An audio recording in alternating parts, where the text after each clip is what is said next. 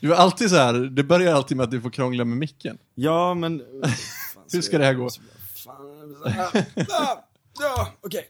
Det är fan precis samma rutin och gadda, så sitter man och med armstödet typ hur länge som helst. Ja. Ja. Slutar med att kunden bara, det här är jätteobekvämt för mig. Man bara, det här funkar för mig. Ja, det här blir precis. skitbra Det är jag för som min jobbar rygg. här. Lägg ner och håll käften! Ja, precis. Take your pants off sir. But I'm doing a sleeve.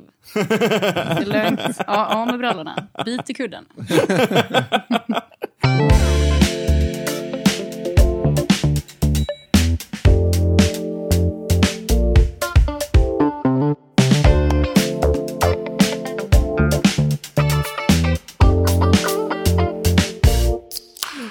Välkommen till studion Frida Jagebro. Tackar. Kul Ja. att vara här. Jävligt kul alltså. Ja, verkligen. Det, var, det har tagit, vi- har bokat in det flera gånger och så har liksom jag mest strulat till det tror jag, så att det inte har blivit Jag av. tror att Men, vi alla tre har strulat till Ja, jag det. Är det så? ta på mig lite av ansvaret där också. ja, okej. Men äntligen, välkommen hit. Fan vad kul. Ja, gud vad kul. Jag är så pepp på det här. Alltså, jag, jag kan ingenting om det här, så att jag, jag förväntar mig en lång lektion här och gå, gå ifrån här mycket, mycket rikare. Ja, Ja. jag ska försöka vara så pedagogisk som jag bara kan. Ja, men det är bra. Det är bra. Vi har känt varandra ett jävla bra tag. Kan ju vara värt att nämna. Jajamän. Eh, och eh, jag lärde känna dig typ nästan när du började. Alltså lite innan du började gå in i lärlingskapet tror jag. Eller? Ja, det skulle jag säga. Typ nästan. Eh, Kan ju, alltså, för, för att folk ska fatta då så är du alltså tatuerare. Jajamän. Gaddare. Ja. Jajamän. Slaktare, alltså. Ja, precis. Du, eh, ja, du gillar att skära i folks hud. Ja, utanför sovrummet. Inga inga sådana grejer. Det är knife play. lite, lite ja, högfunktionell eh, sadism, liksom, Ja, skulle man exakt. kunna kalla det. Kreativ sadism. Jajamän. Ja. Måste man ha lite det i sig för att alltså, vilja att folk ska... skicka... Det är... Um, jag skulle inte säga det, men jag skulle säga att det, det är ganska intressant hur eh, du... eh, du får ju släppa den sidan av dig själv till slut. Jag kommer ihåg min första kund jag hade som... eh, då fick jag lite kritik från eh, mina mentorer som sa jättebra tatuerat Frida, men alldeles för mycket daltande med kunden. Men eh, det, det är okej, för du, du kommer släppa det. Om två, tre månader kommer du märka att du, du, du känner ingenting. När du tatuerar någon och de eh, gråter då, som, eh, som han gjorde. Okej. det är på den nivån alltså? Det var ju också en polare, så jag tror, det fick ju han höra ganska många gånger Ja. efteråt. Men, men det är alltså så att, alltså, jag är ju, för de som inte känner mig eller sett mig överhuvudtaget utan bara hört min fina röst. Eh, jag har inga tatueringar överhuvudtaget. Du är men hel ylle. jag är hel ylle. Eh, jag är inte märkvärdig, såg jag ett skämt. Det, jag skulle säga tvärtom. Svenskarna är det Nej, men det är ett mest... Göteborgsskämt. Märkvärdig. Vi är ju det mest eh, tatuerade folket i hela världen. Är det sant? Mm. Sven- Sverige är på topp. Vi har jättemycket tatueringar, så där Oj, kan du ändå shit. klappa dig själv lite på Det kan axeln. tacka. Tylösand för. Ja. Eller något sånt. Det känns, Västerås. Ja. Eller det känns som att det är mer, mer så här, det är väl- väldigt mycket, alltså i småstäder och sånt där. Så känns det som att det är jävligt vanligt att folk är väldigt gaddade. Ja, jag skulle säga ja. Det kan, det kan ha, bero på vilka stilar faktiskt. Det finns ju olika stilar som eh, nästan dominerar olika städer. Göteborg till exempel har ett jättebra stort utbud av black and grey. Vi har jävligt starka realismgaddare här. Ja. Stockholm, skitbra. Du får berätta också. Ja, vad, vad är det? Black and grey? Eh, det är eh, när ni ser... eh, Skål förresten. Skål. Skål! när ni ser en bild på... Det ser ut som ett porträtt på huden. Just det. Det, det är hyperrealism som det kallas. Och så finns det olika eh, versioner av gråskala, då, black and grey. Och det kan vara liksom lite semirealistiska grejer, typ ungefär det jag kör. Jag arbetar mycket med linjer, men jag vill ändå få till den här väldigt smootha skuggningen. Eh, mer verklighetsbaserat om man säger så. Det ser lite mindre ut som en teckning och lite mer verkligt. Just är det. Som ett foto liksom. Ja, precis. precis.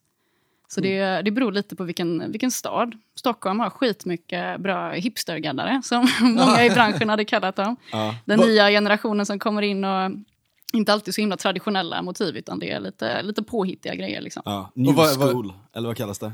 Ja, det gör... School kallas det inte. Där, där har vi graffare som har tröttnat på väggar och gått över till hud. Där har vi uh, New School. Mycket, mycket Ah, färger, okej. mycket som händer, mycket action. Ja. Men vadå, vad tatuerar hipsters då? Uh, upp och nervända stolar på armar. Oj! Ja. What? Jag försöker, jag försöker lista ut vad de här stolarna betyder. Jag har sett jävligt många på senaste. Jag Ja. tänker att det, det är något så här budskap som jag missar, tänker jag. Ja.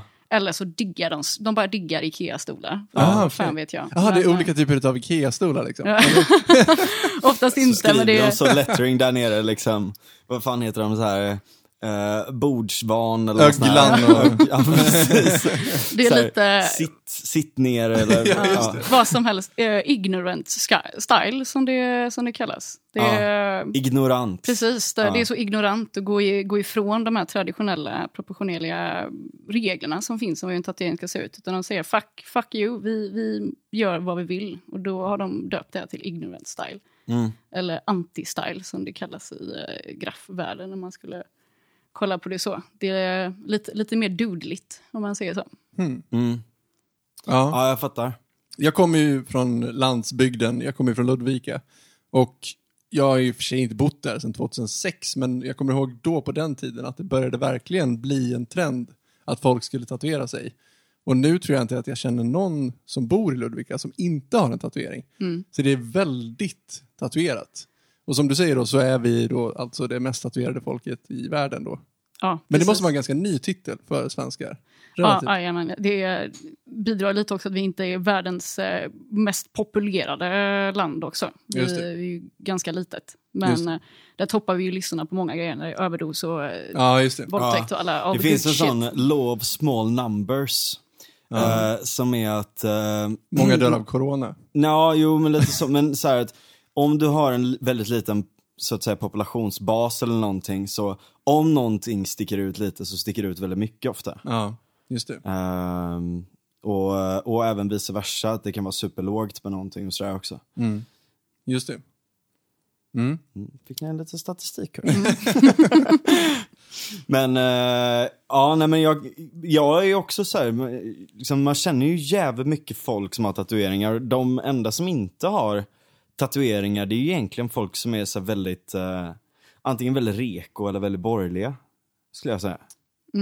Ja, precis. Det, det är ju en sån eh, ska man säga, gammal skrocka som fortfarande hänger kvar. Och det har mest att göra med att eh, de kanske inte blir lika sugna på att tatuera sig. När de känner att det är någonting som är lite trashigt eller vad det nu kan vara. Ja. Sen så skulle jag säga att jag, jag ser ju jävligt många som de eh, committar ju lite mer till sina projekt. De kommer ju inte in och vill ha den här upp och nervända stolen på armen. De, de vill ju ha en sliv och det ska vara en tiger, det ska vara en ros, det ska vara allt det där. Det är Ja, väldigt specifikt. alltså hela armen upp då. Ja, precis. Det, ja, de, de, har, eh, de, har, de, de vill att det ska bli gjort rätt. De har oftast pengarna för det också. Det, där har vi ju den dyraste tatueringsstilen. Mm.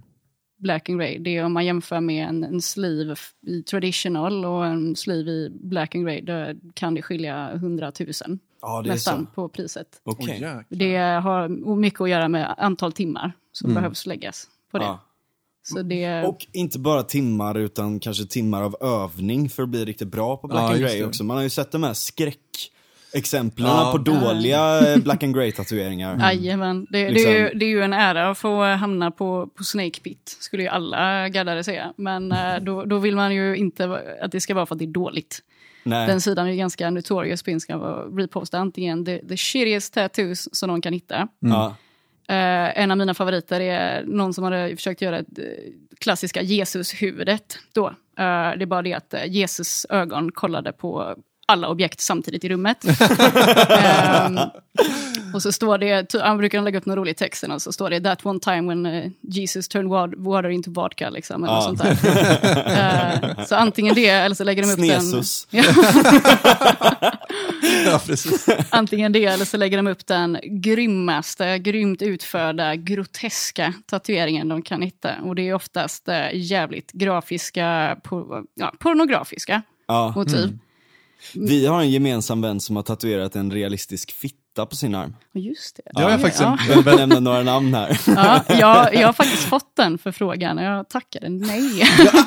jag har faktiskt också en vän som har gjort den. Va? Ja, en snubbe i Ludvika har gjort den. Fast på låret. Jag vet inte om han har kanske tatuerat, den nu, tatuerat över den nu för tiden, men när vi var yngre så hade han Ja. en väldigt stolt, eh, ja. Jag har ju... Det är ju ganska händigt när, om man ska sitta och runka så har man den nära till hand. Jag känner Kan man mig liksom eh, peka lite mot den samtidigt? lite, lite outad där. Jag, jag har ju nämligen också en fitta tatuerad på eh, kroppen. Har du det? Va? Ja.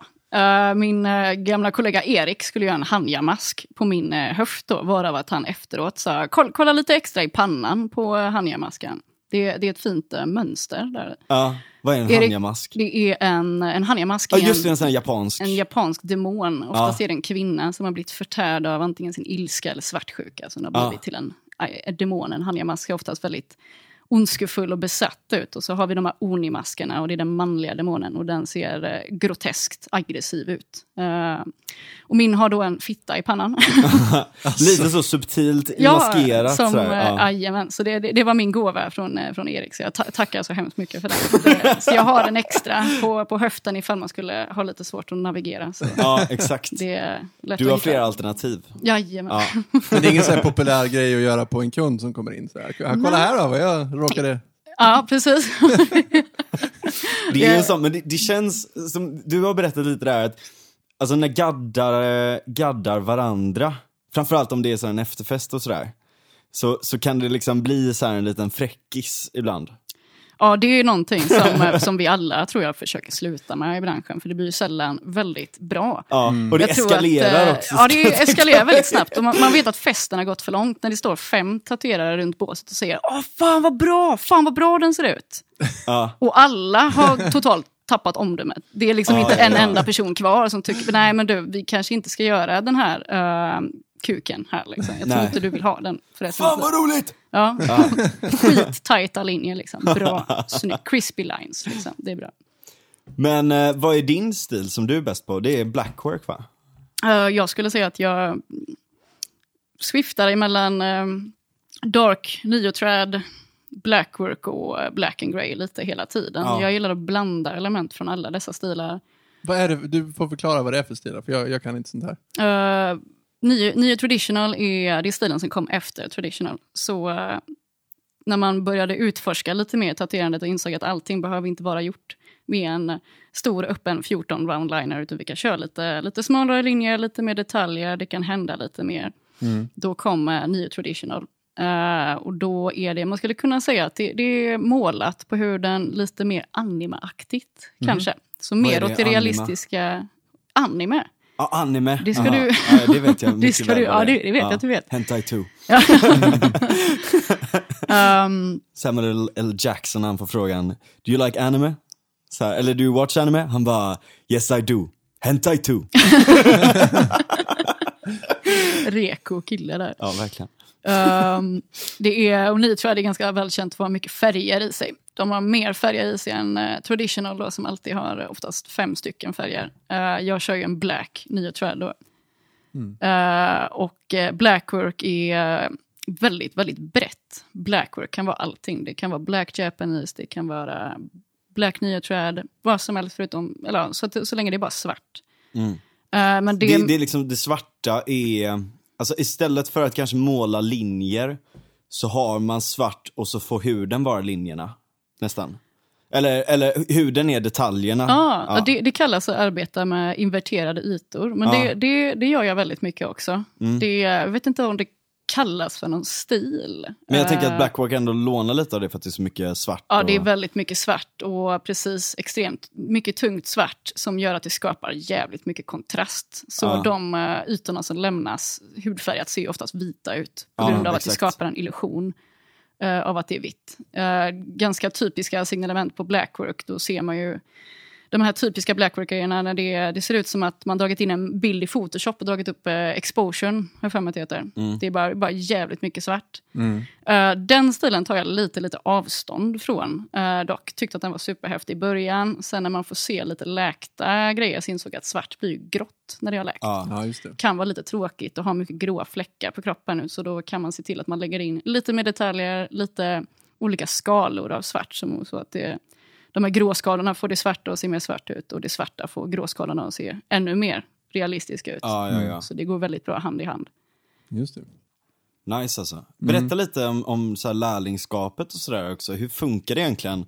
Liksom när, först och främst så här, hur fan kommer du på att jag ska bli tatuerare? Och hur funkade det sen liksom? Jag gick ju den eh, dumma vägen och fick tag i en maskin från en häftig eh, sida på internet och Ja. satte mig och Dark web. Satte mig och tatuera och ehm, då var det en ganska sjuk känsla. För jag insåg att, eh, fan Frida, om, om inte du gör det här för resten av ditt liv, då, då kastar du bort ditt liv. Mm. Det är helt meningslöst om du inte sitter och gör det här. Det, jag var helt säker. Mm. Eh, efter det så eh, jobbade... Ja, det var väldigt skönt. lite maniskt sådär liksom. Så jobbade jag på Carlings ett par år och tjänade upp lite pengar. Och, eh, sen hade jag min lilla, min lilla lärlingsfond då, som jag kallar det. Eh, och då räknade jag ut hur många månader de här pengarna kommer hålla. Och så visste jag, okej, jag har typ sex månader på mig att bli lärling. Och eh, är jag inte det då, då, då åker jag ut på gatan. Då, då kan jag inte betala hyran. Mm. Så nu är det bara att söka. Mm. Så då eh, hade jag precis flyttat till Odinsplatsen eh, och eh, hälsade på grannstudion där till mig, som var dåvarande Pin Pirate-studion och träffade Henke där som ägde den studion. Och fick väldigt mycket bra tips från honom och jag berättade då att eh, ja, men jag vill jättegärna bli lärling. Jag vill, jag vill jobba med det här resten av mitt liv. Varav eh, Henke, ja ska man säga, han mm, vägledde mig och sa att eh, han fick se mina bilder som jag målade. Mycket, då var det mycket svarta, tunga grejer. Mm. Eh, ännu tyngre än det jag gör idag. Och eh, han sa Som ändå är ganska tungt kan man lugnt säga. ja precis, jag har blivit mycket så också på senaste. Jag, det, jag har trillat in mycket på det här med det lite groteska, onda tatueringar. Ja. Eh, det är jävligt kul att göra dem alltså, och har fått en liten kundkrets där som eh, diggar det. Jävligt kul att fortsätta på de här projekten. Så det blir nästan en slump med de här demoniska grejerna. Men eh, I like it. Jag har riktigt kul med det. Jävligt, jävligt schyssta kunder också. Ehm, och eh, då blev jag eh, hänvisad till uh, Coney Island Demon på Five Points Tattoo. Han sa, gå till Demon. Han kommer, han kommer gilla det du målar. Mm. Och eh, då visste Demoniska grejer, demon, säger sig självt. Ja, just det. jag... Ja, men precis. Men vart ligger den här eh, studion? Uh, Five Points Tattoo ligger i Haga. Mm. Eh, det är en uh, tatueringsstudio som uh, ska man säga, går kanske lite mer efter old school och amerikanska seder. Mm. Uh, ser man väldigt tydligt när man kommer in i mycket, mycket skepp och väldigt vackra tavlor. Och de Så är jag- därifrån också. Ja, Demon är från eh, USA, precis. Ja, men hela, alltså five points, eh, vad ska man säga, nästan gillet.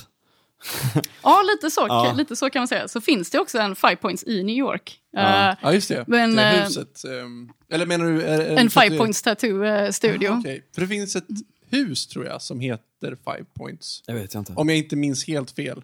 Som Ja. är liksom, jag vet inte om det är någon form av uh, kulturhus eller någonting. Men, men det är alltså en, en byggnad i New York som är totalt bombad av graffiti. Aha. Gud vad spännande. Ja, jag Ah. tror att den heter Five Points. Annars får jag klippa bort det här om jag har fel. Men, Ja. det är jävligt Ja. pinsamt. förlåt. Li- li- ja, precis. Lite, pa- ja, men jag ska kunna hiphop. Liten parentes, förlåt. Ja, ehm, ja, men jag traskar in då på den här eh, old school uh, tatueringsstudion och eh, självklart då så får man en blick som säger vad fan gör du här?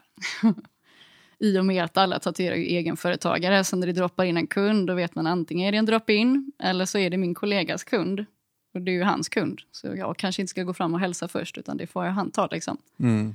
Eh, jag introducerar mig och säger att hej, eh, ni ska anställa mig som lärling.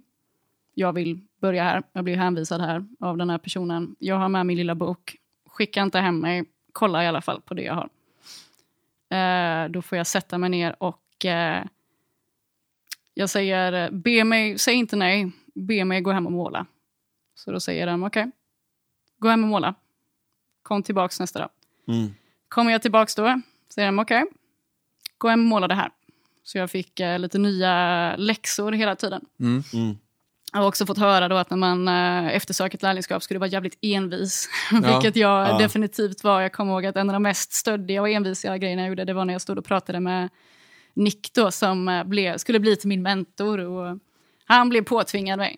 Jag vet att han, är, han ville inte ha mig i början. Men jävlar Men vad jag så, var envis visst, visst är det så att eh, just också de, för det är en, gam, en ganska gammal anrik studio med, med liksom flera olika så eh, locations runt om. Ja, det är, Five Points är ingen kedja, Nej. men eh, det har, eh, ska man säga, det har ju varit ägarna till Five Points som har ägt andra studios innan. Och samt att eh, de ska... Om Och det man finns liksom kollar- en sån bloodline-kedja nästan upp. Ja, ganska precis. långt tillbaka Eh, liksom. Alla har ju en eh, mentor och eh, någon gång i livet så kommer du ta en lärling. Ja, och du får bara eh, ta max två i hela livet va? Ja, precis. Det för mig eh, går vi efter den här gamla amerikanska seden att eh, du får ta max två lärlingar per livstid. Du ska vara jävligt selektiv Oj. med vem du tar. Hmm. Och så får du lära dig vilka dina ancestors var, vad de hette och vad de gjorde. Och det är Ja. jävligt kul. Och så, Och för dig tracear det ändå tillbaka till nästan när Electric Tattoo-grejen börjar precis. liksom. Jävlar, alltså. Starten av Electric Tattooing. Så det är jättespännande att sitta och researcha det. Och Brooklyn Blackie och Spiderweb och alla dessa häftiga tattoo-namn som de hade. Och Ja. så får man eh, kolla vad de gjorde för grejer. Det är så Planen, coolt för eh, att det är liksom som ett jävla, det är ju verkligen gilleaktigt. Alltså Ja. en gyld. Ja. Liksom, skrå heter det på svenska, jag kommer på. Mm. Skråväsende liksom. Ja. Att, att det, det finns ingen egentligen så här central eh, reglering av det hela utan, utan, det är liksom, de- eller, utan det är de här gillena och det är liksom väldigt starka regler och traditioner och Absolut, det finns ju liksom, verkligen en, eh, penalism och allt möjligt. Liksom. en kultur där. Ja. Fan vad ballt, det visste jag faktiskt inte. Ja, det är, ja, det är en väldigt, eh, väldigt egen värld, tatueringsbranschen, och väldigt, väldigt egen kultur. Mm. Eh, planen med den här eh, blodlinjen, då, om man skulle kalla det så, det är ju att eh, du ska lära dig alla stilar som de innan dig bemästrade. Och sen då ska du lägga på en, en ny stil, eller en egen stil. Eh, I mitt fall då så skulle jag eh, lära mig Japanese, neo traditional, black and grey, old school och eh, applicera blackwork på det. Mm. Så att när du bemästrat dessa stilar, då kan du eh, tillsammans med den kunskapen kan du skapa någonting helt eget. Du, du blir grym på att dra linjer för du kan old school och traditional. Du är grym på skugga för du kan din black and grey. Du är grym på proportioner och att skapa för du kan neo-trad och japanese. Liksom. Och eh, ja, finns så mycket mer än det. är väldigt svårt att förklara allting Ja. så, men jag tycker det täcker en del. Ja, nej men jag fattar. Precis, så är det är ju ganska stort beslut då att ta en lärling. Eh, många skulle kalla det att, uh, jag har fått höra det att ta en lärling, det är ju som att skaffa ett barn. Ja. Eh, den personen kommer eh, finnas i ditt liv för evigt. Det är en reflektion av dig. Om din lärling blir en skitdålig tatuerare, då har ju du misslyckats. Ja, och det kommer reflektera dåligt på dig. Precis, Ja. precis. Eh, Just det är därför man är väldigt, väldigt strikt med sina lärlingar. Ja. Eh, man får ju gå en jävligt hård skola för att perfect the work. Liksom. Mm. Det, det finns ju inte mycket utrymmen för eh, misstag inom tatuering. Nej, Det hör man ju på namnet. Ja, exakt. verkligen. Liksom. Precis, så jag stod där och eh, dum och envis som jag var så stor och så började jag rabbla upp namn på lärlingar som jag visste att andra studios hade i Göteborg. Och då sa jag, men ni har ingen lärling. Vart är eran fot i nästa generation? Ja. Ta mig, använd mig, låt mig vara eran blodhund, kommer jag ihåg att jag sa. så, så cringe som det låter, så kan jag göra allt för er. Jag, jag, jag säljer min själ, bara, bara lär mig att tatuera. Mm. Ehm, Och det kräver ju ändå väldigt mycket eh, dedikation. Jag om tror- man ska, ja, jag- jag tror jag var inte bara där från och- dem, utan från, från dig då, eftersom du är den som kommer föra deras arv vidare. Ja, men precis. Ja. Ja. Jag tror jag var där och tjatade och gick och hängde och visade mina målningar och kanske en månad, två månader och sånt där. Kommer inte ihåg. Tror det, tror det var det. Jag vet att vi... Jag minns, ja precis. Alltså, nu kommer jag tillbaka till mig att, jag menar, du känner ju mina gamla polare. Som, eh, som jag växte upp med kan man säga liksom. Eh, och som är liksom som bröder och systrar för mig liksom. Eh, och så när jag kom tillbaka, tillbaka från Stockholm lärde just vi, det. det är alltså 2018, det är fan inte så länge sedan. Nej. 2018. Är det två år sedan? Shit, det är ju helt sjukt. Ja, jag Nej vet. men, jo, men, nej men vänta, vi lärde känna varandra under, för jag kom ju hem då och då. Ja, och precis. under den tiden, just det, så det är typ Jajamän. såhär 2015, 16 bara, va? Ja. Okej, det är ändå fem år, ja. Just det, men, men då jobbade du fortfarande där på Carlings ja. Ja, precis. Ja. Och sen till slut då så fick jag ett eh, telefonsamtal när jag satt hemma och då är det Demon som ringer och som frågar vad, vad fan är du? Ja, På amerikanska med hans eh, goa attityd. och jag bara, no, no, no bro, I'm, I'm home, I'm home, what, what you talking about? Typ. Han bara, nej kom studion, kom hit nu. ja. Bara, och då har du varit där typ två månader och bara lämnat bild på bild på bild hela tiden. Precis, liksom. och ja. envis och tjatat. Och, Ja. eh, jag kommer ihåg att det var Erik eh, berättade för mig efterhand att det var någon gång jag kom dit och det var ingen där förutom Erik då. Som är ganska välkänd för att han kallas för eh, Mr Sunshine. eh, Erik, som Erik med hjärtat av guld men eh, folk vill gärna döma honom för han kanske inte ser så trevlig ut eller alltid verkar så stämningsfull när han pratar. Mm. Eh, då hade han gått runt och eh, grymtat eh, som vanligt. Och så hade vi pratat en liten stund. Så hade han sagt till grabbarna att eh, fan, jag, vi får överväga den här tjejen. Hon, hon är driven. Jag får en genuin känsla av henne. Jag tror att hon vill det här mer än någonting annat. Och då, då kände vi knappt varandra. Det var första gången vi sågs. Ja. Så jag kommer dit och eh, får ett kontrakt slängt framför mig och säger okej, du ska börja här. Men du, säl- du säljer din själ nu. Till oss. Det till var, Demon. ja, Du sålde din själ bokstavligen till en demon liksom. Jajamän. Ja, ja. Det var det jag fick höra. Du, du säljer din själ nu. Du äter, bajsar och knullar tatuering. Det är ditt liv nu. Eh, och så jag skriver på det här kontraktet. Och eh, sen var jag där sex till sju dagar i veckan och mm. köttade Fan lärlingskap. vad du köttade alltså. Ja, det, vad, jag vad, tror, gör, vad gör man då som lärling? Liksom? Vad, vad var liksom första... till en början, det, det, du är nästan som en liten husalv skulle man kunna säga. Du får ju ett lärlingsnamn. Dobby. Ja. Mitt lärlingsnamn blev eh, Dobby. Jag var Blev här- det det? Ja. ja just det, det var det ja. Det, det blev, jag hade väldigt många olika namn. Det började med Dobby och eh, vad ska vi se, The Midget. och ibland kunde man höra så här skrikt eh, på så här grov amerikanska. Bara, Where is the creature? Who has the creature? Okay, bring her to me, I need, I need the creature now. Och då skulle jag hjälpa Demon att sätta upp hans station eller vad det nu var. Eller jag skulle kolla på, han skulle hjälpa, educata mig om maskiner. Jag hade ganska många Dobby, eh, ja det blev en hel del. Obi-Wan Kenobi, det, alla möjliga grejer. Så det är i början, i början, du har inte ett riktigt namn, du, du är Dobby, du har ditt sharp name som det kallas. Det är Ja. bättre, jag har hört folk som är, kallats för bajssnor och slägetor och bara jätte... ja. Mycket så. Dobby, Dobby kändes bra. Ja. Dobby kändes fint. Han är lite gullig liksom. Ja men precis, Ja. Dobby, är, lite, Dobby är lite gullig. Men lite såhär Eh, marinkårs-feeling, liksom, att de så här, Ja, du, du, det du är är nere ju- på botten i början, liksom, Ja, och då jävlar är du på Rite of, botten. liksom. rite of passage, alltså. Ja. Ver verkligen. Det är sannerligen, jag vet många lärlingar som får, eh, vad ska jag Som inte säga, pallar trycket liksom. ja det blir lite mycket eh, tvätta toaletterna med tandborstar och sånt där liksom. Och Ja. du, och du ska inte ens kolla på en maskin, då jävlar alltså. Då, då ska du veta att du lever. Det, Ja. Du ska inte få massa höga drömmar. Men, eh, jag fick börja tatuera ganska snart då, eh, som eh, mina mentorer sa att ofta så tillbringar man första året med att sitta och måla. Det gjorde jag ändå, även om de sa åt mig att jag skulle gå och städa. Ja. jag var ganska dålig på det, jag ville mest sitta med näsan i boken liksom, och bara skissa. Mm. Eh, men eh, då hade jag ju spenderat eh, en del tid med att måla innan, så då var det dags för mig att börja testa på att tatuera då, liksom Ja. på rätt sätt. Ehm, så det, då gick det lite snabbare eh, för mig i och med att mitt lärlingskap var lite, lite kortare. Eh, det ska egentligen vara tre år. I Sverige brukar man köra på två eller tre år. Ja. Nu för tiden så ser man ju väldigt många som kommer ut efter två år och de producerar jävligt bra arbete. Liksom. Så det är Ja. inget, inget Ja, dåligt i det. Men är det lite som så här frisörsutbildningen? Då vet jag att man kan gå dit och klippa sig gratis för att de eh, utbildar sig typ.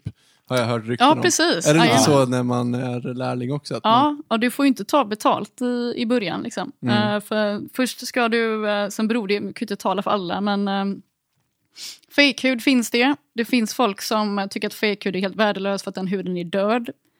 Du lär dig inte om hur hud reagerar på det du gör, utan då kan du sitta och lära dig att göra alla möjliga konstiga Mm. Ja, saker. just det. som, Superhårt. Ja, Liksom men precis. bara- ja, exakt. Eh, det kan ju Ingen vara... som skriker och gråter Ja. samtidigt. Eller så. Så eh, jag kommer Var ihåg... jag, var jag gnällig?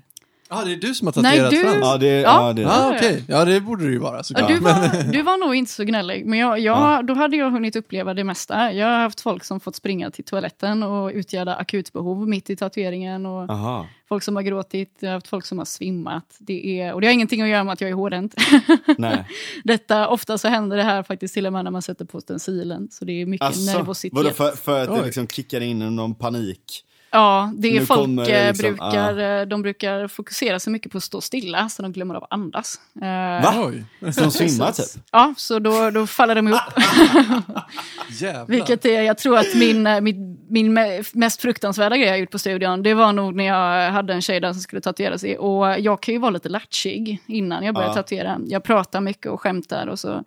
Min catchphrase är nog att jag säger, bara så du vet, blir jag lite tyst. Det har ingenting att göra med att jag inte tycker om dig, men jag zonar ut lite när jag tatuerar. Då vet de att jag kommer vara lite tyst. Men innan dess då är det mycket Lattjo och då stod jag och skämtade med en tjej och, om att det var spöken i studion. Uh, varav då jag säger ah it's fucking ghosts in the shops, they're everywhere liksom. Och så går jag in på toaletten. Då hör jag en jävla smäll i, i golvet då. Uh, varav jag kommer ut och s- sitter den här tjejen på bädden då, på tatueringsbädden. Och jag säger ah tack gode gud, jag trodde du svimmade. Eh, och då svarar hon ja, jag eh, tror jag gjorde det. Då har hon eh, blivit uh, överstimulerad av allt mitt hetsande. Ja. Uh, svimmat ihop på golvet. Ja. Eh, varav då Erik som sitter i rummet bredvid och tatuerar hör en smäll i golvet. Varav han då säger ah, håll käften Frida för han tror att jag tappat någonting på marken. Eh, så då har hon legat där och vaknat till liv helt ensam utan att någon har fångat henne. Så jag fick uh, be om ursäkt och säga att du, det är, det är ingen shame i att gå hem nu, det är helt okej, vi kan omboka. Men hon var en jävla kämpe, hon, hon ville få gjort Ja. den. Men eh, då, då fick hon, inte, hon fick inte lämna min uppsyn utan eh, skulle vi ta en paus eller något sånt där, då fick hon sitta ner. Ja. Ska du svimma, de människor som eh, faller ihop, de vill gärna få något sånt där litet anfall efteråt, så det är gött att de sitter i en stol då och Ja, får det exakt. där istället. Sen är det en sån gyllene regel att eh, kunder som svimmar ska alltid ha Coca-Cola i handen. Ja. Det är därför man inte får ha det på studios. Ja. För att eh, de svimmar och så får de ett anfall och så kommer det över hela golvet. Vilket eh, är... Ja, det, är- inte skitbra, så det är bättre Nej. om de inte har det i eh, handen. Nej, nej, nej. Jag minns eh, första gången jag såg eh, någon svimma, då hade han, tror, nej, då, han hade inte Coca-Colan i handen första gången, det var andra gången han föll upp. Ja. Första gången så föll han upp och smällde in huvudet i väggen då. Alltså. Så det var en gigantisk blodfläck på väggen. shit, eh, varav alltså. att Demon kommer in i rummet och tänker att nu ska jag rädda den här situationen genom att skämta lite med den här killen. Då. Så han börjar ju peka på den här fläcken och skriker Oh my fucking god, do you know what fucking cleaning they do? She's gonna fuck you up man, she's gonna fucking kill you. Varav den här killen då svimmar igen. Nej! Fan. Så... eh, det finns, eh, det är ingen tråkig dag på jobbet då, men Nej. då fick man ju komma och torka upp lite Coca-Cola och lite... Men det kan väl inte alltid vara så här dramatiskt? Nej, det Nej, är inte. tack och lov. Det är väldigt lugnt ofta, men det är... Men det är ändå ganska bitigt. Alltså, jag minns när jag var där liksom att det var ändå lite så här.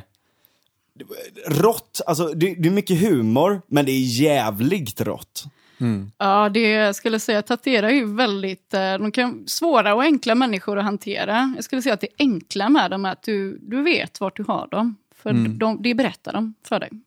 Det, det. gör de. Så det, då har man inga frågor där.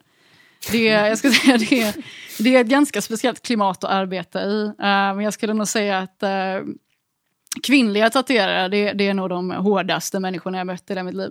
De är stenhårda. Jag har massiv respekt för dem också, för de överlever i en sån otroligt mansdominerad bransch. Mm.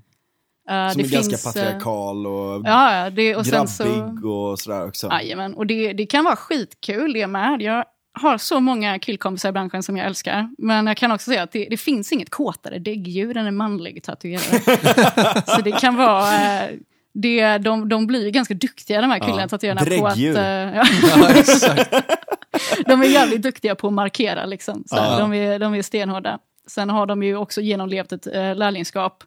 Mm, Sen det. eh, finns det ju, ska man säga, finns ju lite olika saker du kanske inte behöver uppleva som kvinna som du får uppleva som man. Jag vet ju folk som fått uh, klä ut sig till tjej och stå med skyltar utanför studion alla de här galna grejerna. Ja, och de bara Ja, som tjej får man ofta så här, ja men du, du hade du varit kille då, då jävlar liksom. Men Ja. nu, nu, nu är du tjej. Alltså de är ändå lite snällare mot tjejer. jag ska säga det, ja fast på, på gott och ont liksom. Mm. Ja. Absolut. För att det finns också en liten sån här, alltså det är annan form av kanske, Ja, precis. ja alltså det, det är inte Vi- det här direkta utan det kanske är mer mentalt. Ja, jag ska mycket, mycket mental eh, träning. Och det är oftast, eh, många brukar säga att eh, kommer du in i den här branschen som kvinna så behöver du bli förberedd för den här branschen. För det kan vara väldigt, eh, alltså nästan lite, eh, ja, lite problematiskt att vara kvinna i den här branschen. Så du ska bli förberedd för allt det här då. Så då får du genomgå en ganska stram mental träning. Mm. Jag skulle ju absolut säga att du inte är exakt samma människa eh, i slutet av ditt lärlingskap som du är i början. Nej. Jag minns eh, min första månad så eh, kom jag ihåg att de ställde frågan Do you have a boyfriend? Eh, varav då hade jag en partner så jag svarade ja. Och då sa de säg hej då till honom för han kommer inte vara kvar i slutet av året. Det finns ingen tatuerare som har samma partner som de hade under sitt lärlingskap för det kommer vara det tuffaste de gjort. Mm. Och du kommer inte ha någon tid över för att kunna handskas med något annat. Det stämde också va? Ja, precis. det är väldigt, ja, det var nog inte mycket mental energi över. Och det, men det sjukaste är att eh, som jag satt med min tjejkompis från en annan studio och drack eh, någon drink eh, förra helgen och skissade lite på ett projekt tillsammans. Att, och då sa hon det, det sjukaste är att det är det tuffaste och det bästa du gjort i hela ditt liv. Men ibland så är det fruktansvärt. Och du hade aldrig bytt ut det för någonting. Alls. Och det kan nog eh, de flesta människor agree on att de, de hade inte bytt ut det. De hade inte gjort det. Mm. Så det, Det där är intressant också för att det är liksom så här, okej men vad hade hänt annars? Du vet, la la la typ. Det, det är ju ofta en sån, alltså om man, tag, om man har tagit sig igenom någonting jävligt svårt så kan det vara enkelt att säga att så här, jag hade inte betytt för någonting så här för att man vänjer sig vid, vid lukten eller vid, sm- vid smärtan eller du vet, alltså hela den biten. Men det här. formar ju en också. Så Och det menar, formar en, man blir exakt, alltid nöjd liksom. med vem man är i efterhand. Ja. Men jag fattar ändå för att jag menar när man väl är klar med allting då får man ju också jobba med någonting som är jävligt kul. Jajamän, och det jag ska säga att det finns eh, definitivt eh, gränser i det här med, lärling, med lärlingskap. Man får säga ifrån när man tycker att det går för långt. Vissa saker är bara, det, det gör det inte till en bättre tatuerare, det gör det bara fucked up mentalt. Du har rätt att säga nej, jag vägrar göra den här saken. Det har du alltid att göra. Om, speciellt om det handlar om eh, dig själv, din hälsa, det, allt sånt liksom. Ja. Vad händer då? Om man säger så? Om man säger ifrån, Ja, då får du fan veta att du lever. ja det är så. Men det är på mitt, i mitt lärlingskap så var det, då fick jag höra ganska ofta att eh, vi vill forma dig som person. Vi vill att du säger ifrån ibland. Skrik på oss, Ja, säg någonting. Stå på dig, du måste lära dig att göra det. För att du kommer arbeta med någonting så seriöst som det är permanent på folks huvud. Du måste kunna Ja. lita på dig själv, du måste kunna stå på dig. just det. Hantera stress. Ja, och sen hantera så... liksom kaos runt om en. Precis. Hantera ilska, gråt, allt möjligt. Precis, Liksom. Ja. jag du ihåg... känns som en person som kan göra det verkligen. Ja, men Jag tack. tror, jag tror inte att det är någon som sätter sig på dig direkt. Nej, det är lite tvärtom kanske. Det, nej, nu ska vi inte gå in på sådana grejer. Men eh, Nej men du har en känslig sida också men du är ju jävligt uh, hård. Jag, jag, Liksom. är en, jag är en, eh, ska man säga, jag har en hård utsida men alla som känner mig vet att jag är en delikat blomma Ja. på insidan. Det är vi alla. Jajamän, kanske man, man har olika sätt att uttrycka kärlek. Man måste inte vara en hugger men eh, det, ja, men det är Ja. sant. Jag har haft förvånansvärt många killar jag dejtat faktiskt som har yttrat samma mening och det har varit Aha. att shit, hade vi varit tillsammans tror jag att du hade krossat mig totalt. Jag? Eller kört över mig. Nej det tror jag Det, inte. vilket är, men det är också bevisat, det är ganska tråkigt för då känner man, ja men du gubben, hade du känt mig på riktigt, då hade Ja. inte du sagt den meningen. För då hade du vetat att jag, är- jag är väldigt varm på insidan. Ja. Jag bryr mig om de som står nära mig. Men Ja, samtidigt ja, så, en, en sån snubbe kanske man inte heller vill ha. Typ så här. Jag vill helst att du är en, Ah, en liten tjej som inte säger någonting. Gör och mina så, alltså. mackor och sitter Ja, mitt precis. knä och Nej, kallar nej, mig strumpa. då, kan, då kan man kanske Ja, sen kan jag tänka mig att när jag blir riktigt full och ber han att sätta sig i mitt knä och när jag ska Ja. dricka min whisky, det kanske inte går hem hos alla heller. Nej, Men det, det. som tur, var, tur är så är det en sida vi alla slipper se ganska mycket. Det kanske är två, två gånger per år när det Det är går mest till den. du som behöver se det. Ja. Ja, nej men vad fan, det är ändå, jag tror att det där är viktigt också att, att, kunna, att kunna bibehålla, även om man är en hård bransch eh, eller håller på med något sånt, liksom, så måste man också kunna bibehålla kanske den privata sfären eller de privata känslorna och, och inte liksom, ska man säga, bara helt överge att man faktiskt är en människa. Ja, det är väldigt viktigt. Också, jag, tror liksom. att, eh, jag tror att alla kommer in i en period i sitt tatuerande eller sitt lärlingskap där man tappar den känslan. Man, man tappar den delen av sig själv och känner en enorm besvikelse. Att jag är tatuerare, men i mitt fall så, så jag är kvinna också. Jag har grejer som jag, som driver mig, som jag tycker är viktigt, frågor som jag vill framföra. Skulle jag tappa någon följare eller kunder för det, då får det vara så. Det, det är så. Och eh, man kan ju inte alltid gå runt och vara en eh, hård och kall tatuerare. Du får, har du en partner till exempel, får du fan komma hem och bemöta den personen rätt.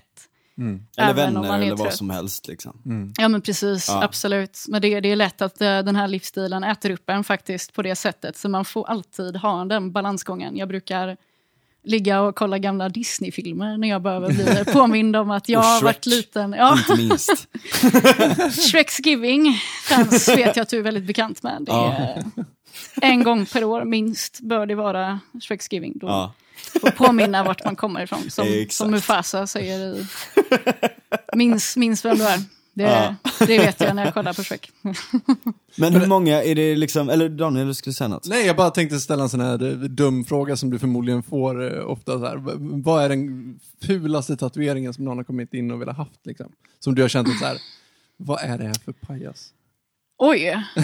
Jag hade, jag hade aldrig kallat en kund för en pajas. Men, Nej, men jag skulle säga att någonting som är... Ja, någon, fittan, en av de kanske. mest intressanta kunderna jag har träffat, det var min mentors gamla kund eh, som har en eh, pågående nästan bodysuit Oj, av realistiska porträtt av uh, Sandra Bullock. Oj jäklar! Han, eh, ja, han är ett jättefan av uh, Sandra Bullock då, och eh, Uppenbarligen, ja. hur, hur, många, hur många totalt? jag tror att det är nog åtta stycken. Oh, shit. Eh, var, varav en gång så kom han in och hade bokat då en tid för rebenen och då var man inte min mentor där då så jag sa att eh, vi får omboka den här tiden. Varav han då säger, ah jättebra Frida, för vet du vad? Jag kom på att jag har redan den här tatueringen. Så vis, drar han upp tröjan, då har han ett realistiskt porträtt av Sandra Bull. Nej, det, det är han som, hur ska man uttrycka det, här? som, han har klistrat in sig själv i paint med snabba glasögon medan han slickar Sandra Bullocks fitta. Alltså va? Det, det låter inte så friskt alltså. Så jag... eh, Eller såhär dåligt naggat i kanten också då eller? Så jag, eh, då ville han att jag skulle skriva en text på hans arm. Eh, Sandra Bullock. nej, han ville ha fuck the police. Var han då tar av sig tröjan och då ser jag gigantiskt i kursivt på andra armen. Sandra Bullock. Eh, och då, då, då, då har det kommit till den här punkten. Jag bara, men du, fan, jag, jag, jag måste fråga. Sandra Bullock, liksom. Ja, varför? Ja, varför just, hon? henne? Ja. Liksom. Jag får se hur hon ser ut. Och han, eh, nej men var han då kollar mig djupt i ögonen och svarar, men Frida, hon är den ultimata kvinnan. Varför, varför då? Alltså, så här, hon, det, Och det, jag, jag, jag säger inte att det är något fel på henne så, jag säger Nej. bara att det är bara väldigt random just, just Ja, henne, nej, jag, jag tror det var kanske lite komplext där. Ja, det är hon, ja. Jag kan ju inte argumentera med det, den ultimata kvinnan. Liksom. Det, vem hade inte velat ha henne på sin kropp? Han det, borde tatuera in en version av Sex Pistols eh, skivomslaget. Nevermind the bollocks. Så här, Nevermind Ja. Sandra Bullock. ja, ja, det hade fan varit någonting. Nej, men det skulle jag nog säga var en av de roligare kunderna. Liksom. Du Ja, vet, fatta vilken eh, karaktär alltså. Verkligen, verkligen. Ja, jäklar. Vet du hur hon ser ut? Ja, ja, absolut. Ja, Ja. ja. Jag hörde en jävla skröna från, från Base Hunter en gång. Att tror jag. Ja, det där, vi, vi känner, jag känner en båt, Ja. hon heter Anna, Anna heter hon. 2005 var väl det en stor hit va, Ja. tror jag. Nå- Någonting sånt. Och också klassikern, vi sitter i väntan och spelar lite Dota. National treasure. alltså. National treasure. Som Ja, när den låten kom så trodde alla att han sjöng om en båt. Och jag Ja, bara, ja. nej det är en bot. Ja, en Fatt- bot, precis. Ja.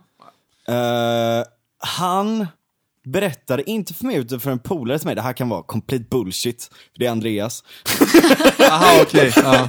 Men, men jag var ju, alltså jag var inte där och, alltså, det, jag var med, han spelade på liksom en liten festival, han är ju från Halland. Han spelade på en, en av min polares festival som en sån här kul jävla surprise liksom. Eh, och ehm, eh, så berättade han att det var en kvinna som hade tatuerat hans ansikte på sitt rövhål, alltså runt om. Oj. Jag vet inte, det, alltså det är säkert Jag har, eh, Andreas jag har som har sett lagt på. folk tatuera rövhålet. Jag kan säga att det är jävla commitment är det. Det är inte Jag supertrevligt. har sett, alltså man har ju sett allting på internet. Jag har sett en, en rövhålstatuering en gång, en stor spindel har jag sett. Det var fruktansvärt att se. Ja, det är bara att ladda upp på Snake Pit alltså. Ja. Du har inte gjort några sådana... Men, men jag menar, Nej. alltså just ett ansikte. Jag, jag vet inte, om, jag vågar inte säga det här, vi kanske måste klippa bort det. Men det var en sån sjuk jävla grej liksom. Det är ju nästan det ultimata. Jag vet inte om det är liksom en hommage eller om det är någonting, diss, liksom, liksom. en Ja. diss precis. Ja, ja. Men det är också jävligt långt att gå. Ja, om jag, det har, jag vet att det finns några som har uh, silhuetter av min kropp tatuerad. Vet jag. Aha. Men, eh, det, Oj! Ja, men det, Ja. man måste nog känna mig för att veta att det är jag. Liksom. Ja. Det, men det är lite kul. Ja. Men eh, Alltså, jag menar, även då eh, så är det så här, det är kanske inte det första man antar, fan är inte det där Fridas? en sån intim vänskap har vi nog inte. Ja. Men du har ju väldigt mycket tatueringar ser jag. Ehm, Ja, det, det är en säga. collection alltså, Ja. som jag håller på och försöker avsluta. Jag har eh, kommit in i en period nu när jag känner att eh, jag är jävligt selektiv om vilka som får pilla på de här sista ytorna. Ja. Eh, Ja. Just nu så Du har håller... inte så mycket kvar. Nej. Du är snart helt ommålad liksom. Ja men precis. Så nu håller eh, Erik på Five Points på med en fantastisk eh, japansk traditionell ryggtavla till mig. Supernöjd över den. Och vi Det har, är så eh, jävla cool stil alltså. Det är, ja, jag tycker den är mäktig och eh, den, den gör ont. Ja. Jag, jag ska faktiskt erkänna att jag var en jobbig kund och kräktes senaste gången jag var där. Gjorde du det? Tre, ja, Oj. tre och en halv timme in. Jävla så, mes. Ja, jag vet. Ihåg, Erik sa något liknande också. Liksom. Det, Ja.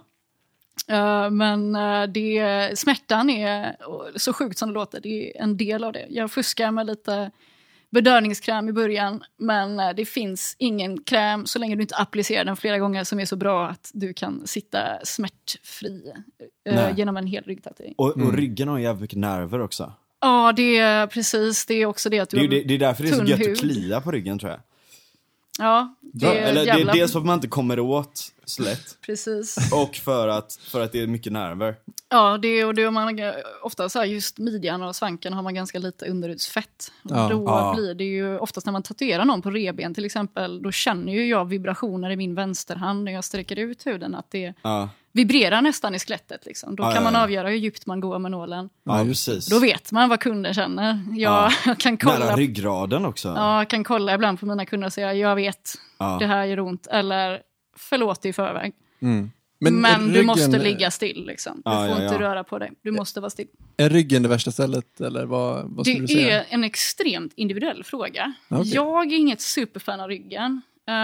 Um, så finns det ganska många ställen som är klassade som väldigt jobbiga. Armhålor, Mm. intima delar är väldigt jobbiga, skallen är väldigt jobbig. Mm. Uh, bröstkorgen är väldigt jobbig.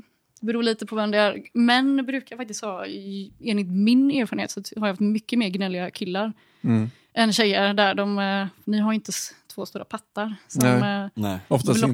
inte. Nej. Utan det känner ni rakt in i bröstkorgen. Liksom. Ja, ja, ja. Väldigt intimt.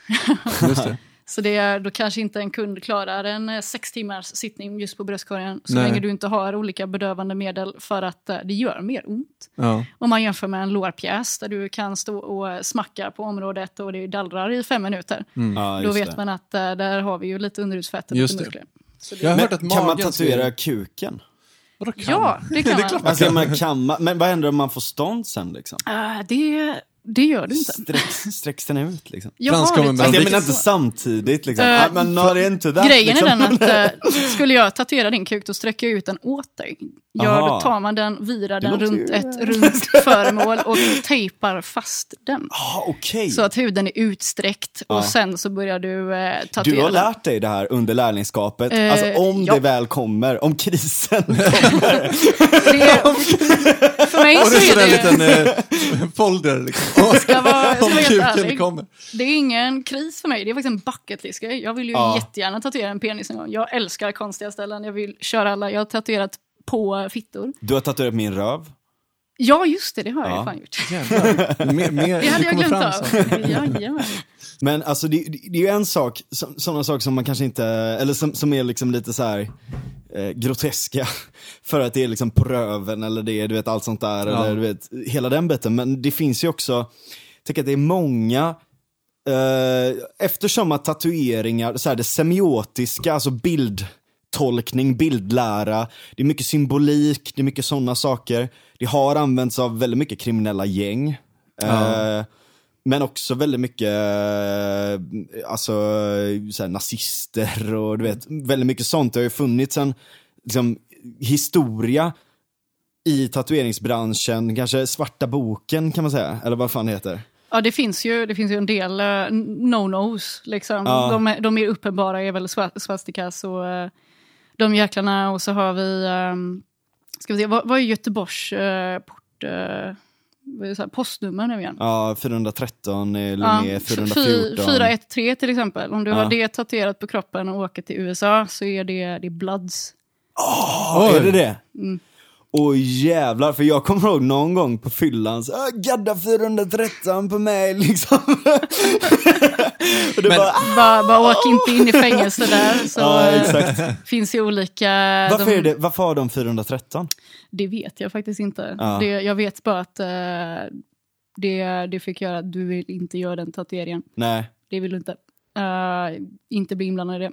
Och så har vi ju typ uh, ryska tonen. De Mm. Vad kan man ju se. Har du sett en backpiece någon gång med massa ryska ton? Det här eh, Red Square. Ja, det. ja precis. De här Det- små eh, nobsen där uppe. Ja. Ser ut som glass typ. Det ju- finns ju massa olika betydelser här, men den mest välkända är väl då att eh, en ton är för varje dom som du fått. Då. Varje gång du Åh, åkte jävlar. in så lägger du till ett ton på din rygg. Då.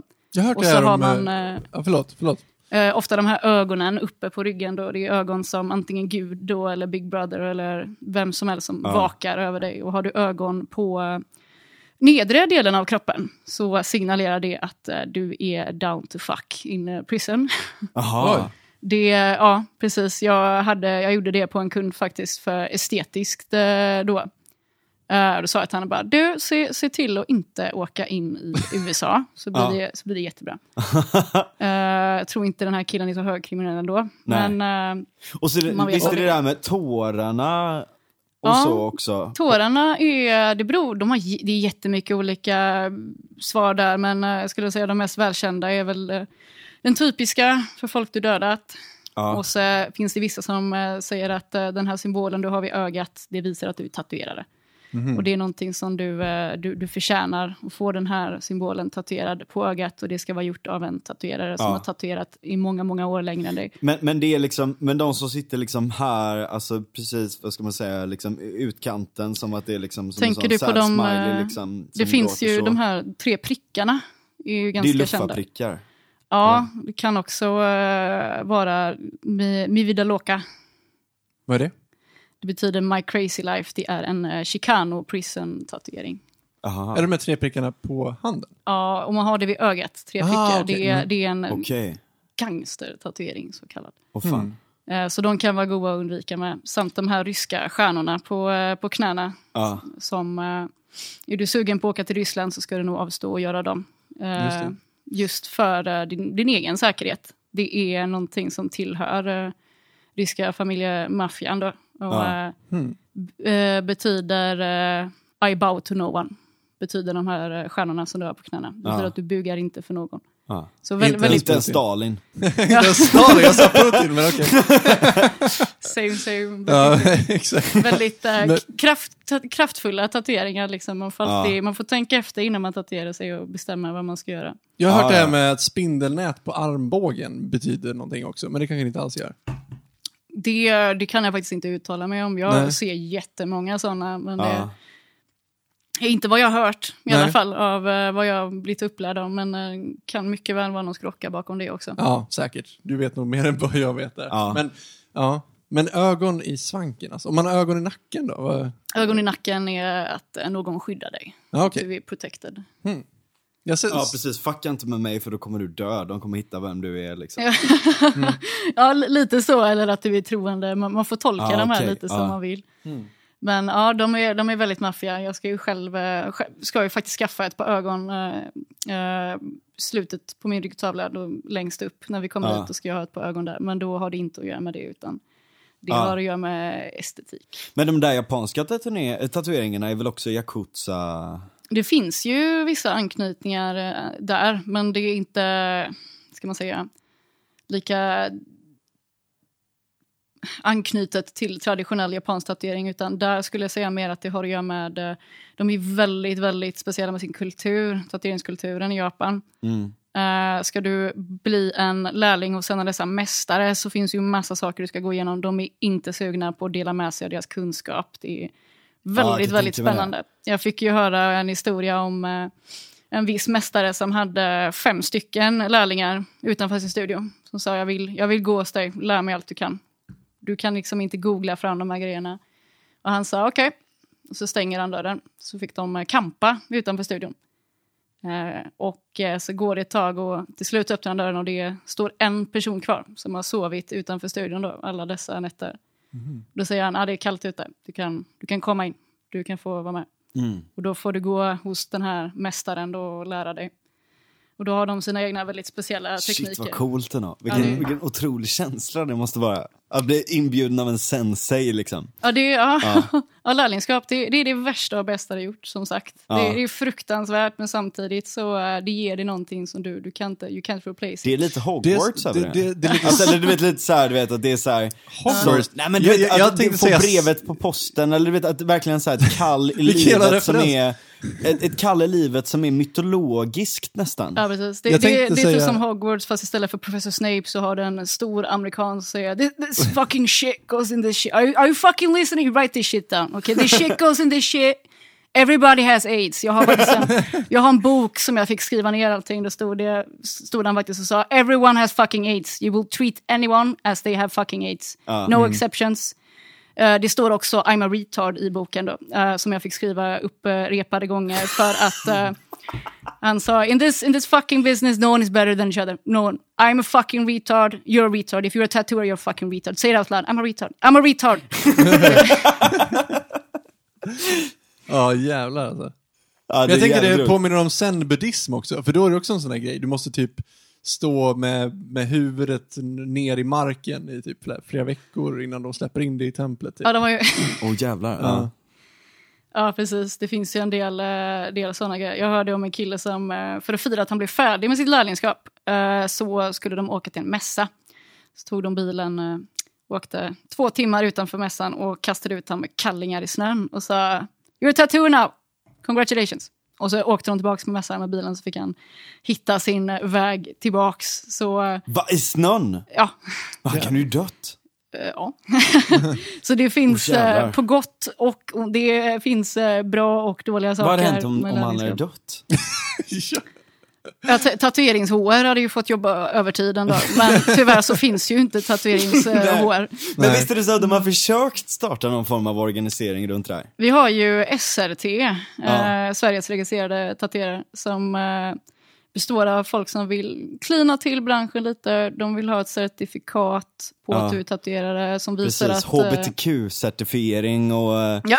så här, feministisk kurs för Inte alla liksom. än, faktiskt, Fasta män tänker- kommer in och håller liksom såna här mansmiddagar för alla. Jag bara väntar tills det blir en myndighet som har hand om det här riktigt svenskt. Typ så här. Det, ja, precis, det hade varit spännande. Det kan ju säga att tatueringsbranschen är ju ett det är ett brödraskap. Det Ja. finns en anledning till varför folk vet så lite om vår bransch och det är för att det är ingen som vill att folk ska se in i den. Nej. Sen så eh, det finns eh, mörka partier och så finns det förståelse med i det här man, brödraskapet. Din tatueringsstudio är din familj.